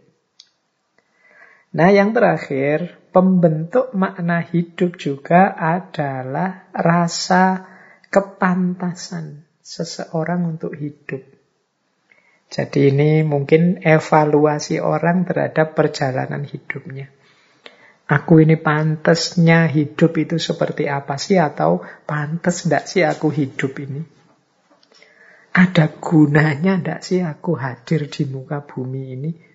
Fungsinya apa sih aku hadir? Jangan-jangan malah bikin ruwet saja. Nah ini hasil evaluasi, hasil muhasabah kita. Jangan-jangan aku ini, kalau bahasa manajemen ya, troublemaker saja. Aku ini yang bikin masalah saja. Atau aku ini problem solver. Aku ini orang yang memberi jalan keluar, memberi banyak kontribusi terhadap hidup ini. Atau aku ini mungkin bagian dari masalah. Part of the problem dalam hidup ini. Nah ini hasil renungan kita. Berhubungan dengan pantas tidaknya aku hidup. Jadi ini dasar-dasar unsur-unsur makna hidup. Jadi makna hidup itu arti hidup, kepuasan hidup, kebebasan memutuskan, sikap terhadap kematian, sikap terhadap masalah, dan juga kepantasan untuk hidup. Di sinilah setiap orang kemudian membangun makna hidupnya. Berdasarkan aspek-aspek ini tadi. Ini kalau tadi ada yang tanya apa sih Pak isinya makna hidup itu. Ya isinya makna hidup itu arti hidup. Jadi mana yang kita anggap bernilai dan mana yang kita tuju. termasuk kepuasan hidup, penilaian kita terhadap sejauh mana kita selama ini puas atau tidak dengan hidup kita, termasuk kebebasan pilihan hidup, sikap kita terhadap kematian, sikap kita terhadap masalah, dan penilaian kita tentang kepantasan hidup kita. Baik, wah ini waktunya kurang 30 menit lagi. Saya lanjutkan. Nah, dari mana kemudian kita bisa membangun makna hidup? Sumbernya apa saja? Kalau tadi kan semacam dasarnya, wadah-wadahnya. Kalau ini sekarang sumbernya. Kalau menurut Viktor Frankl, sumber makna hidup itu ada tujuh. Jadi, Pak saya ingin membangun makna yang positif untuk hidupku.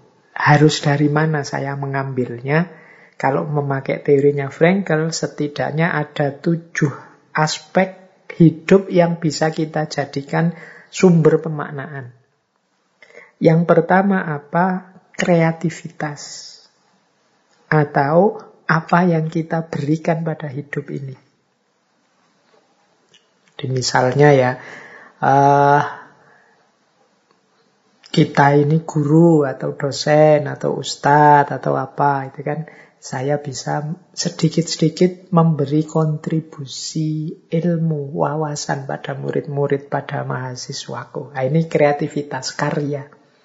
Saya bisanya nulis, saya bisanya memberi manfaat lewat tulisan-tulisan saya. Nah, ini juga bisa jadi sumber makna hidup. Jadi hidupku bermakna lewat tulisan.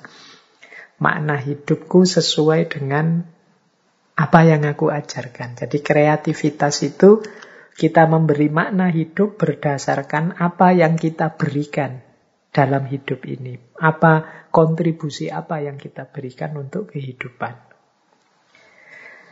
Nah, bisa juga makna hidup itu kita ambil dari pengalaman. Kalau ini kebalikannya kreativitas. Kalau kreativitas kan makna hidup sesuai yang kita berikan.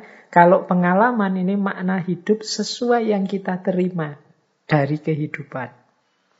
Misalnya kebenaran, keindahan, atau cinta.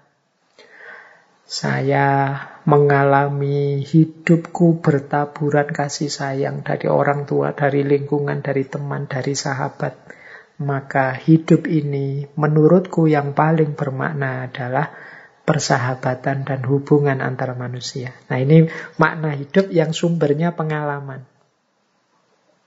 Nah bisa sumber kedua. Sumber ketiga, makna hidup itu bisa dari pilihan sikap kita terhadap situasi-situasi di sekeliling kita. Jadi misalnya ya kita ngalami bencana, ngalami penyakit, ngalami penderitaan, mengalami kematian demi kematian. Nah ini kita bisa membangun makna sesuai yang kita inginkan. Membangun sikap sesuai yang kita inginkan. Pak, saya ingin jadi orang yang pemberani. Tidak mudah putus asa misalnya. Atau Pak, saya ingin jadi orang yang sabar ada masalah apa pun, saya kuat menanggungnya. Nah ini bisa jadi sumber makna hidup. Jadi sikap-sikap yang kita ambil dalam hidup ini bisa jadi dasar kita menetapkan makna hidup. Atau bisa juga self preoccupation. Self preoccupation itu apa yang kita lakukan untuk memenuhi kebutuhan kita. Nah, saya ini Pak, orangnya pantang menyerah, saya itu pekerja keras.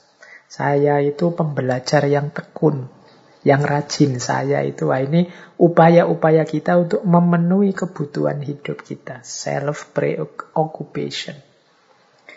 Atau ya kemandirian kita memenuhi kebutuhan-kebutuhan kita. Ini bisa jadi sumbernya makna hidup.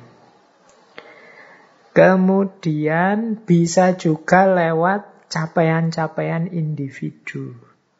prestasi-prestasi kita, kemudian uh, kenyamanan-kenyamanan hidup yang menurut kita unik, tidak sama dengan yang lain. Misalnya gini loh, ada orang, ah orang-orang itu semuanya kok dikejar-kejar oleh dunia. Saya santai sajalah. Saya nikmati apa adanya. Loh ini kan makna versi individual kita tentang hidup. Jadi melalui capaian-capaian atau keunikan-keunikan penghayatan kita sendiri terhadap hidup pribadi kita termasuk mungkin prestasi-prestasi kita, termasuk mungkin hal-hal unik yang menurut kita tidak dimiliki orang lain.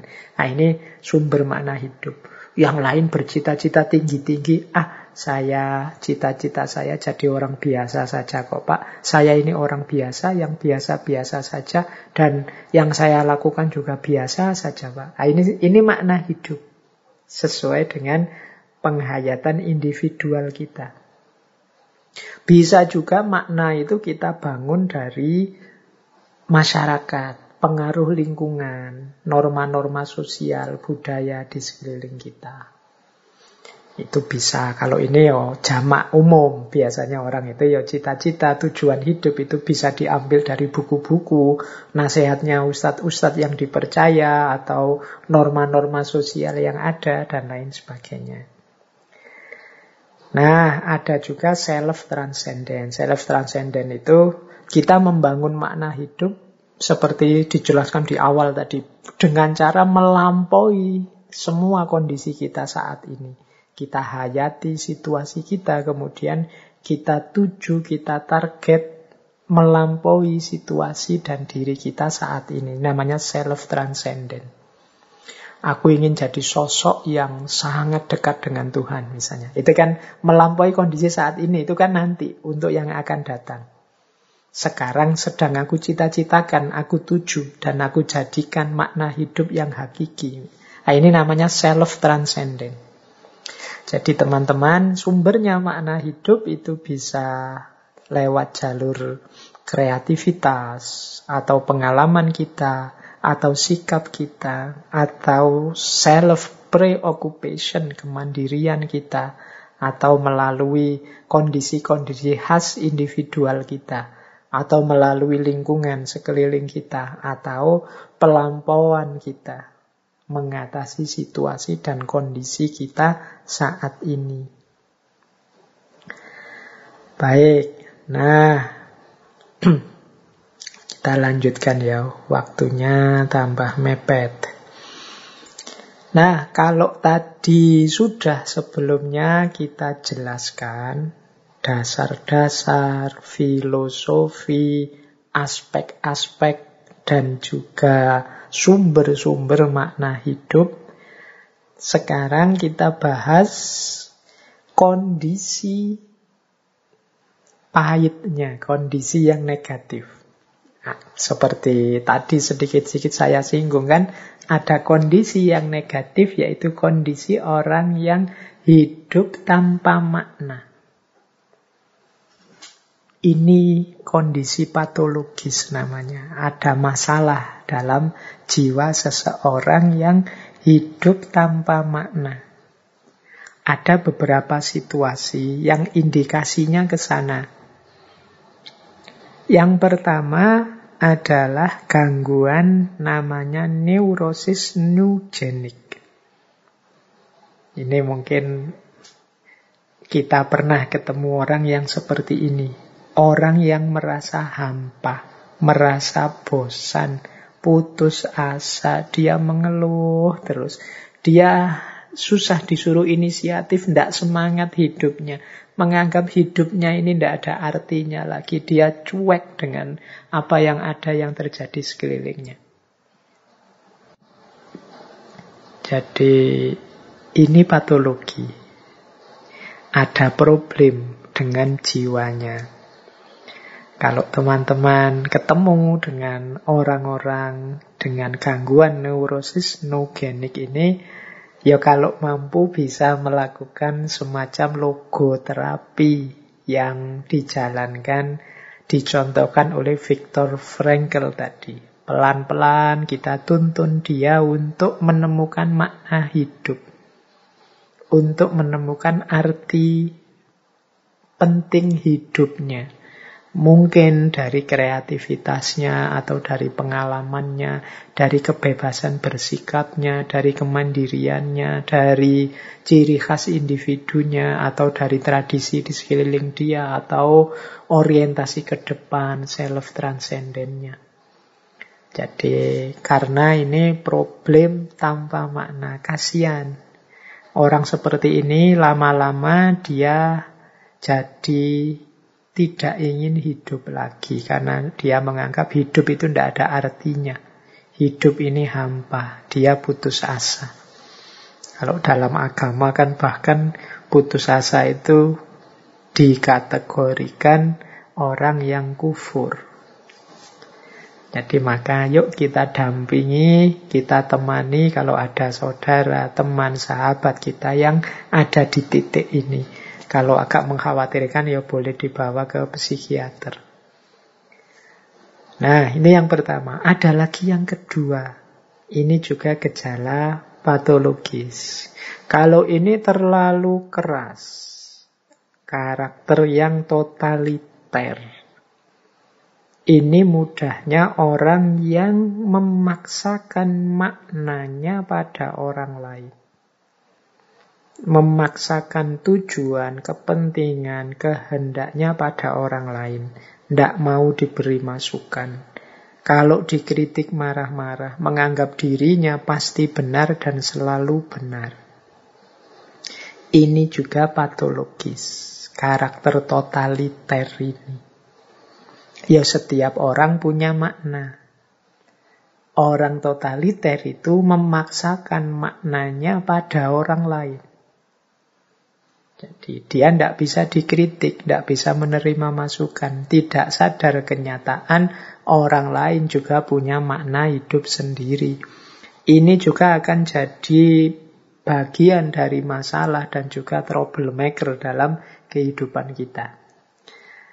Ya, ya mudahnya mari kita introspeksi ya untuk diri kita sendiri saja.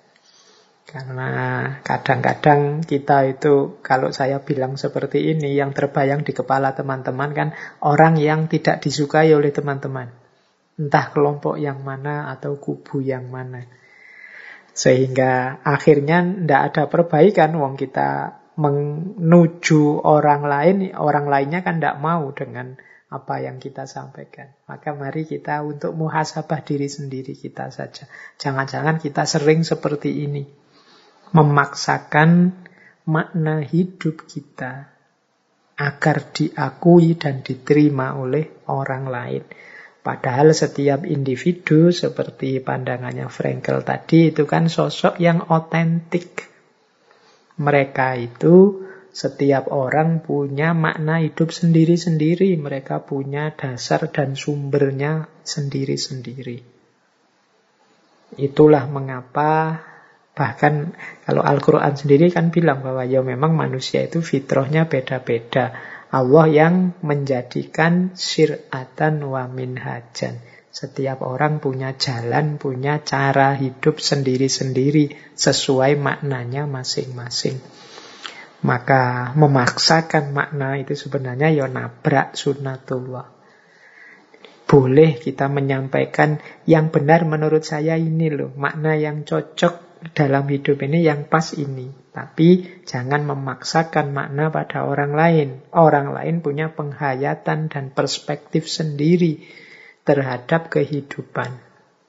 Maka kalau keinginan agar orang mengikuti makna kita itu mengeras, menguat, sampai memaksakan keinginan kita pada yang lain, ya jadinya karakter totaliter. Oke, kemudian ada karakter konformis. Kalau ini kebalikannya, totaliter. Karakter konformis ini orang mirip dengan dulu waktu kita membahas people pleaser.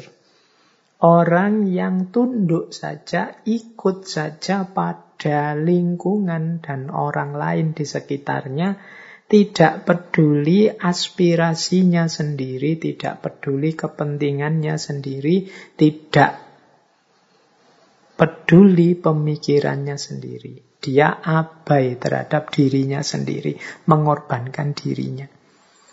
Ini karakter yang konformis.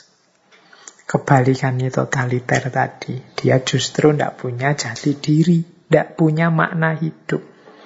Tidak punya makna hidup, kemudian dia hanya ikut saja orang lain, ikut saja lingkungan. Dia menafikan aspirasinya sendiri, kepentingannya sendiri, pemikirannya sendiri. Jadi ada tiga kondisi patologis yang berlawanan dengan kondisi eksistensial penuh makna yang kita bahas sejak awal tadi. Yang pertama, orang yang sama sekali tidak punya makna, sehingga dia merasa hidupnya hampa, bosan, putus asa, tiada arti.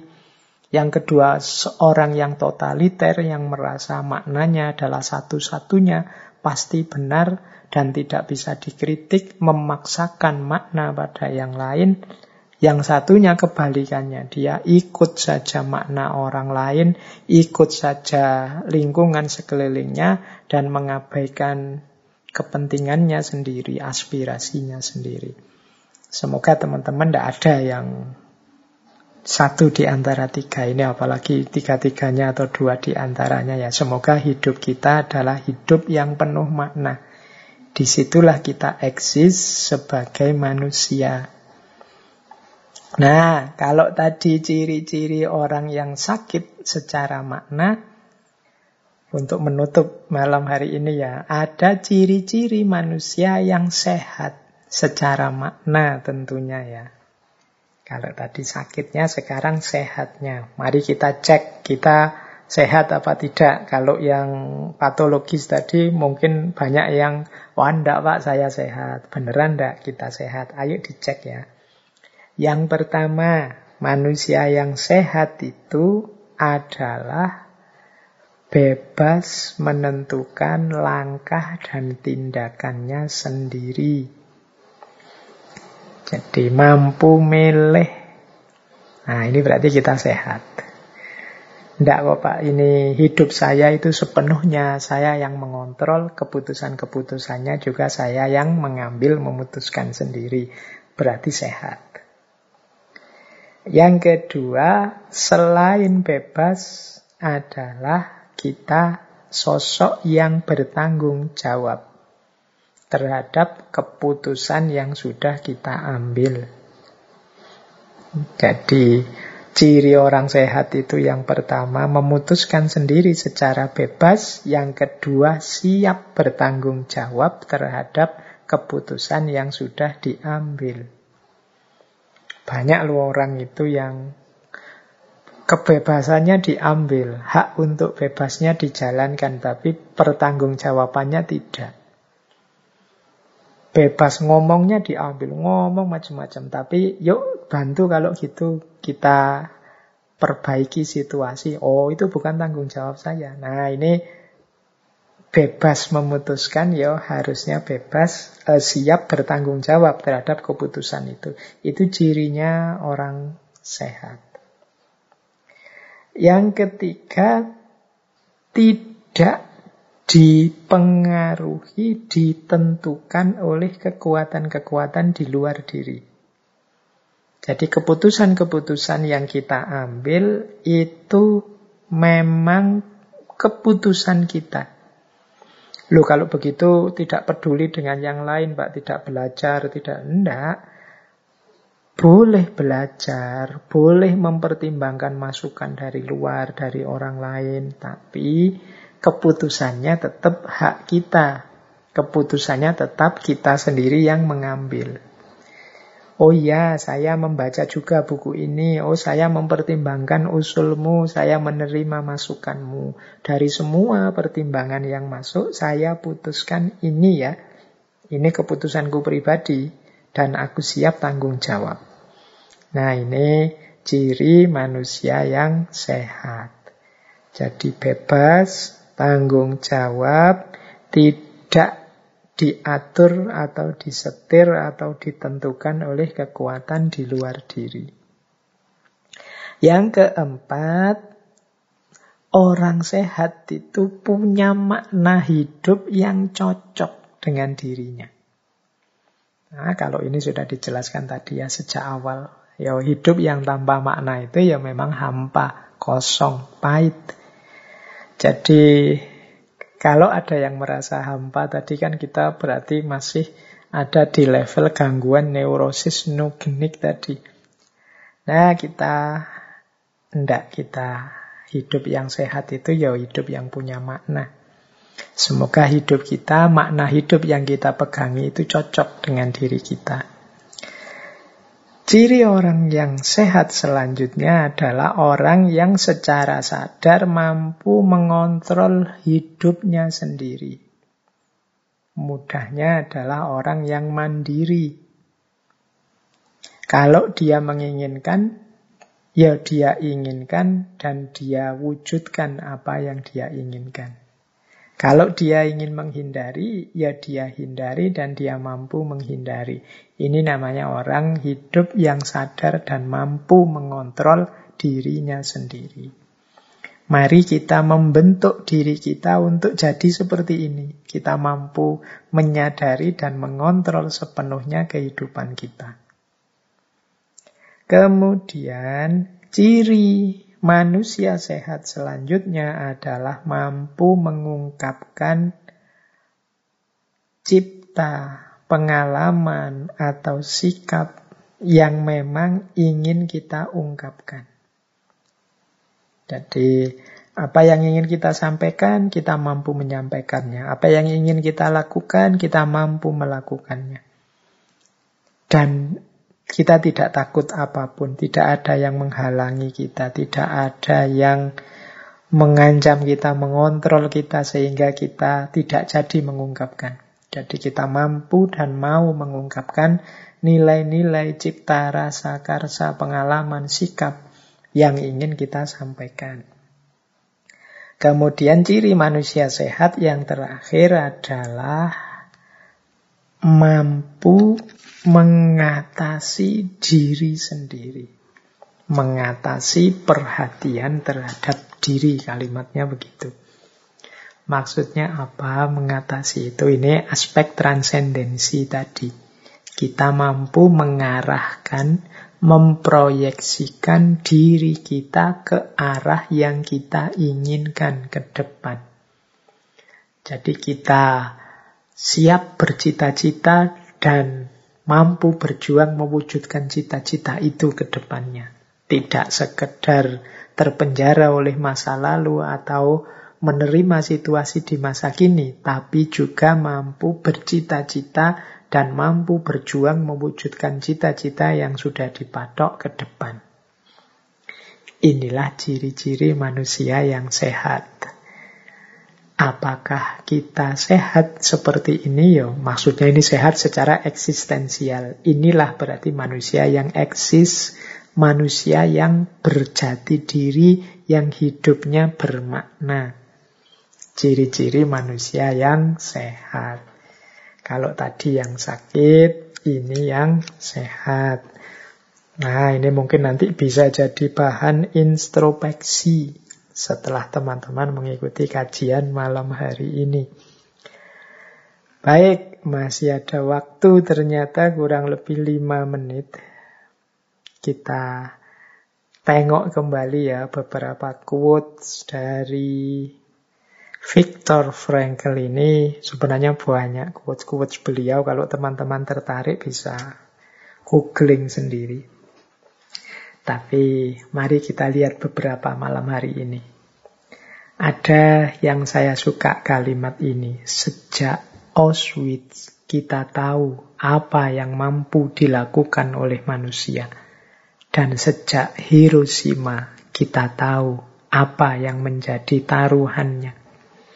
Auschwitz ini ya kem konsentrasinya Nazi Sejak Auschwitz kita tahu yang mampu dilakukan oleh manusia. Ternyata manusia itu bisa sekejam itu. Ternyata manusia itu bisa sesadis itu. Ternyata manusia itu bisa setidak manusiawi itu. Bahkan mungkin sampai hari ini kita juga banyak melihat gejala-gejala manusia yang tidak seperti manusia. Yang kedua, sejak Hiroshima kita tahu apa yang menjadi taruhannya. Mengikuti ambisi manusia, keinginan-keinginan manusia yang terkendali, lenyapnya makna-makna hidup dan kemanusiaan membuat kehancuran demi kehancuran dan Hiroshima jadi bukti betapa manusia yang kehilangan kendali dirinya, manusia yang kehilangan rem dalam hidupnya, taruhannya besar. Jadi Auschwitz sama Hiroshima semoga jadi monumen bagi kita untuk sepenuhnya mampu mengendalikan diri dan hidup dengan makna-makna yang tepat. Jangan sampai kita mengulangi kesalahan yang sama. Nah, ada lagi quotes yang menurut saya menarik dari Frankel ini. Kata beliau begini, bila semua orang sempurna, maka setiap individu dapat digantikan oleh siapa pun juga. Karena ketidaksempurnaan manusia inilah, maka setiap individu tidak dapat disia-siakan atau dipertukarkan. Jadi ini kalimat dari Frankel ini menegaskan setiap orang itu unik, setiap orang itu punya makna hidup sendiri-sendiri, setiap orang itu punya jati dirinya masing-masing. Tentu saja tidak sempurna, wong manusia itu terbatas. Justru karena ketidaksempurnaan inilah kita hargai setiap orang. Karena kalau manusia itu sempurna semua ya berarti siapa pun sama saja. Digantikan oleh siapa pun juga tidak masalah kan begitu. Tapi kan karena tidak sempurna dan manusia ini beragam dalam ketidaksempurnaannya, sesuai kapasitas masing-masing termasuk kita yang ngomong ini juga tidak sempurna ya berarti apa? Yang bisa kita lakukan adalah saling menghargai saling menghormati saling mendukung saling menguatkan. Wong kita ini sama-sama tidak sempurna. Nah ada lagi quote yang menurut saya menarik juga kalau ini mungkin unik ya kalimat ini menurut saya. Tidak ada perlunya merasa malu karena air mata. Karena air mata adalah bukti bahwa seseorang memiliki keberanian yang sangat besar. Yaitu keberanian untuk menderita. Jadi tidak perlu malu kalau kita mungkin mengalami peristiwa-peristiwa tidak menyenangkan, peristiwa pahit, peristiwa tragis dalam hidup, kemudian kita menangis. Tangisan itu bukan bukti kelemahan. Kata Frankel, tangisan itu adalah bukti keberanian. Tangisan itu menunjukkan bahwa kita berani menderita. Kita berani menghadapi situasi yang pahit dan tragis. Yuk, Sampai kita menangis itu kan menunjukkan kita sedang menahan. Kita sedang menerima dengan gagah berani kepahitan itu sampai air mata kita mengalir. Kita tidak melarikan diri dari masalah. Kita hadapi meskipun pahit dengan air mata bercucuran. Maka tidak perlu merasa malu karena air mata karena air mata adalah bukti bahwa seseorang memiliki keberanian yang sangat besar, yaitu keberanian untuk menderita. Nah, terakhir ini saya baca di akhir karena menarik quotes yang terakhir ini. Kata Frankel, ini untuk teman-teman yang masih muda ya, dia punya konsep menarik tentang kesuksesan. Jangan mengejar kesuksesan, karena semakin dikejar dan semakin dijadikan target, semakin kita akan kehilangan dia. Karena sukses, seperti halnya kebahagiaan, tidak dapat dikejar. dia harus lahir dengan sendirinya. Dan hal itu terjadi sebagai dampak sampingan yang tidak direncanakan dari dedikasi pribadi seseorang kepada satu tujuan yang lebih besar daripada dirinya sendiri, atau sebagai produk sampingan dari penyerahan diri seseorang kepada seseorang yang lain daripada dirinya sendiri. Kebahagiaan harus terjadi, dan hal yang sama berlaku untuk kesuksesan. Kita harus membiarkannya terjadi dengan bersikap tidak peduli tentang itu. Saya ingin Anda mendengarkan apa yang diperintahkan oleh hati nurani Anda untuk dilakukan dan melakukannya terus sebaik-baiknya sesuai dengan pengetahuan Anda. Maka Anda akan dapat menyaksikan jauh di kemudian hari, ya jauh di kemudian hari, bahwa kesuksesan akan mengikuti Anda justru karena Anda telah berhenti memikirkannya. Jadi ini rumus kesuksesan yang unik dari Frankel kita itu yang penting ayo mengikuti hati nurani kita, keinginan-keinginan, aspirasi-aspirasi, cita-cita yang ada dalam diri kita, kemudian sebaik mungkin kita kejar, kita wujudkan keinginan itu. Tidak usah mikir hasilnya sukses atau tidak termasuk nanti membahagiakan atau tidak. Kesuksesan, kebahagiaan itu biarkan hanya sebagai efeknya saja atau dampaknya saja. Konsentrasi kita hanya pada melakukan sebaik mungkin yang kita bisa untuk mewujudkan keinginan-keinginan kita, untuk mewujudkan makna-makna hidup yang kita yakini. Itu saja. Jadi makanya sering saya bilang manusia itu kewenangannya hanya pada usaha dan upaya. Hasil keberhasilan dan juga kesuksesan itu tidak di tangan kita. Kalau kita hanya fokus ke situ, ya mungkin nanti lahir banyak kekecewaan-kekecewaan atau justru kita tidak sampai ke sana malah meleset. Maka Frankel memberi nasihat, yuk kita berikan yang terbaik yang kita mampu. Insya Allah nanti kesuksesan dan kebahagiaan akan muncul sebagai efeknya. Jadi tidak sebagai yang kita tuju.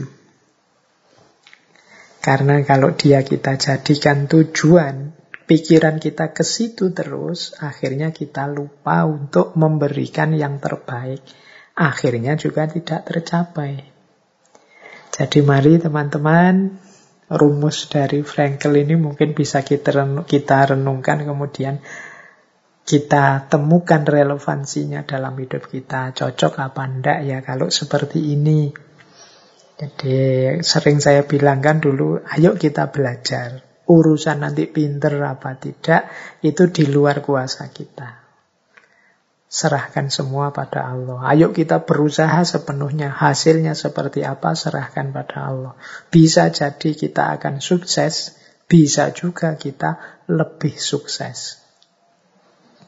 Tidak sebagaimana yang kita bayangkan, ternyata jauh lebih besar dari itu. Dan berkali-kali saya mengalami yang seperti itu. Semoga bisa juga teman-teman mengambil pelajaran dari situ. Baik, saya kira itu ya sesi untuk malam hari ini juga menandai sesi terakhir kita bulan ini di tema filsafat eksistensialisme. Untuk Rabu depan saya tidak tahu formatnya, ditunggu saja pengumuman dari teman-teman takmir. Temanya sudah tidak lagi eksistensialis, mungkin kita hanya ngobrol-ngobrol saja menyambut bulan puasa. Karena nanti di bulan depan kan kita off dulu di bulan Ramadan seperti biasa. Baik, saya kira itu untuk malam hari ini. Kurang lebihnya mohon maaf. Ambillah yang cocok, yang baik, yang sesuai untuk hidup teman-teman. Dan kalau ada yang tidak relevan, tidak cocok, tidak sesuai, ya ditinggalkan saja. Saya akhiri sekian, kurang lebihnya mohon maaf. Wallahul muwafiq, wallahu a'lam bisawab. Wassalamualaikum warahmatullahi wabarakatuh.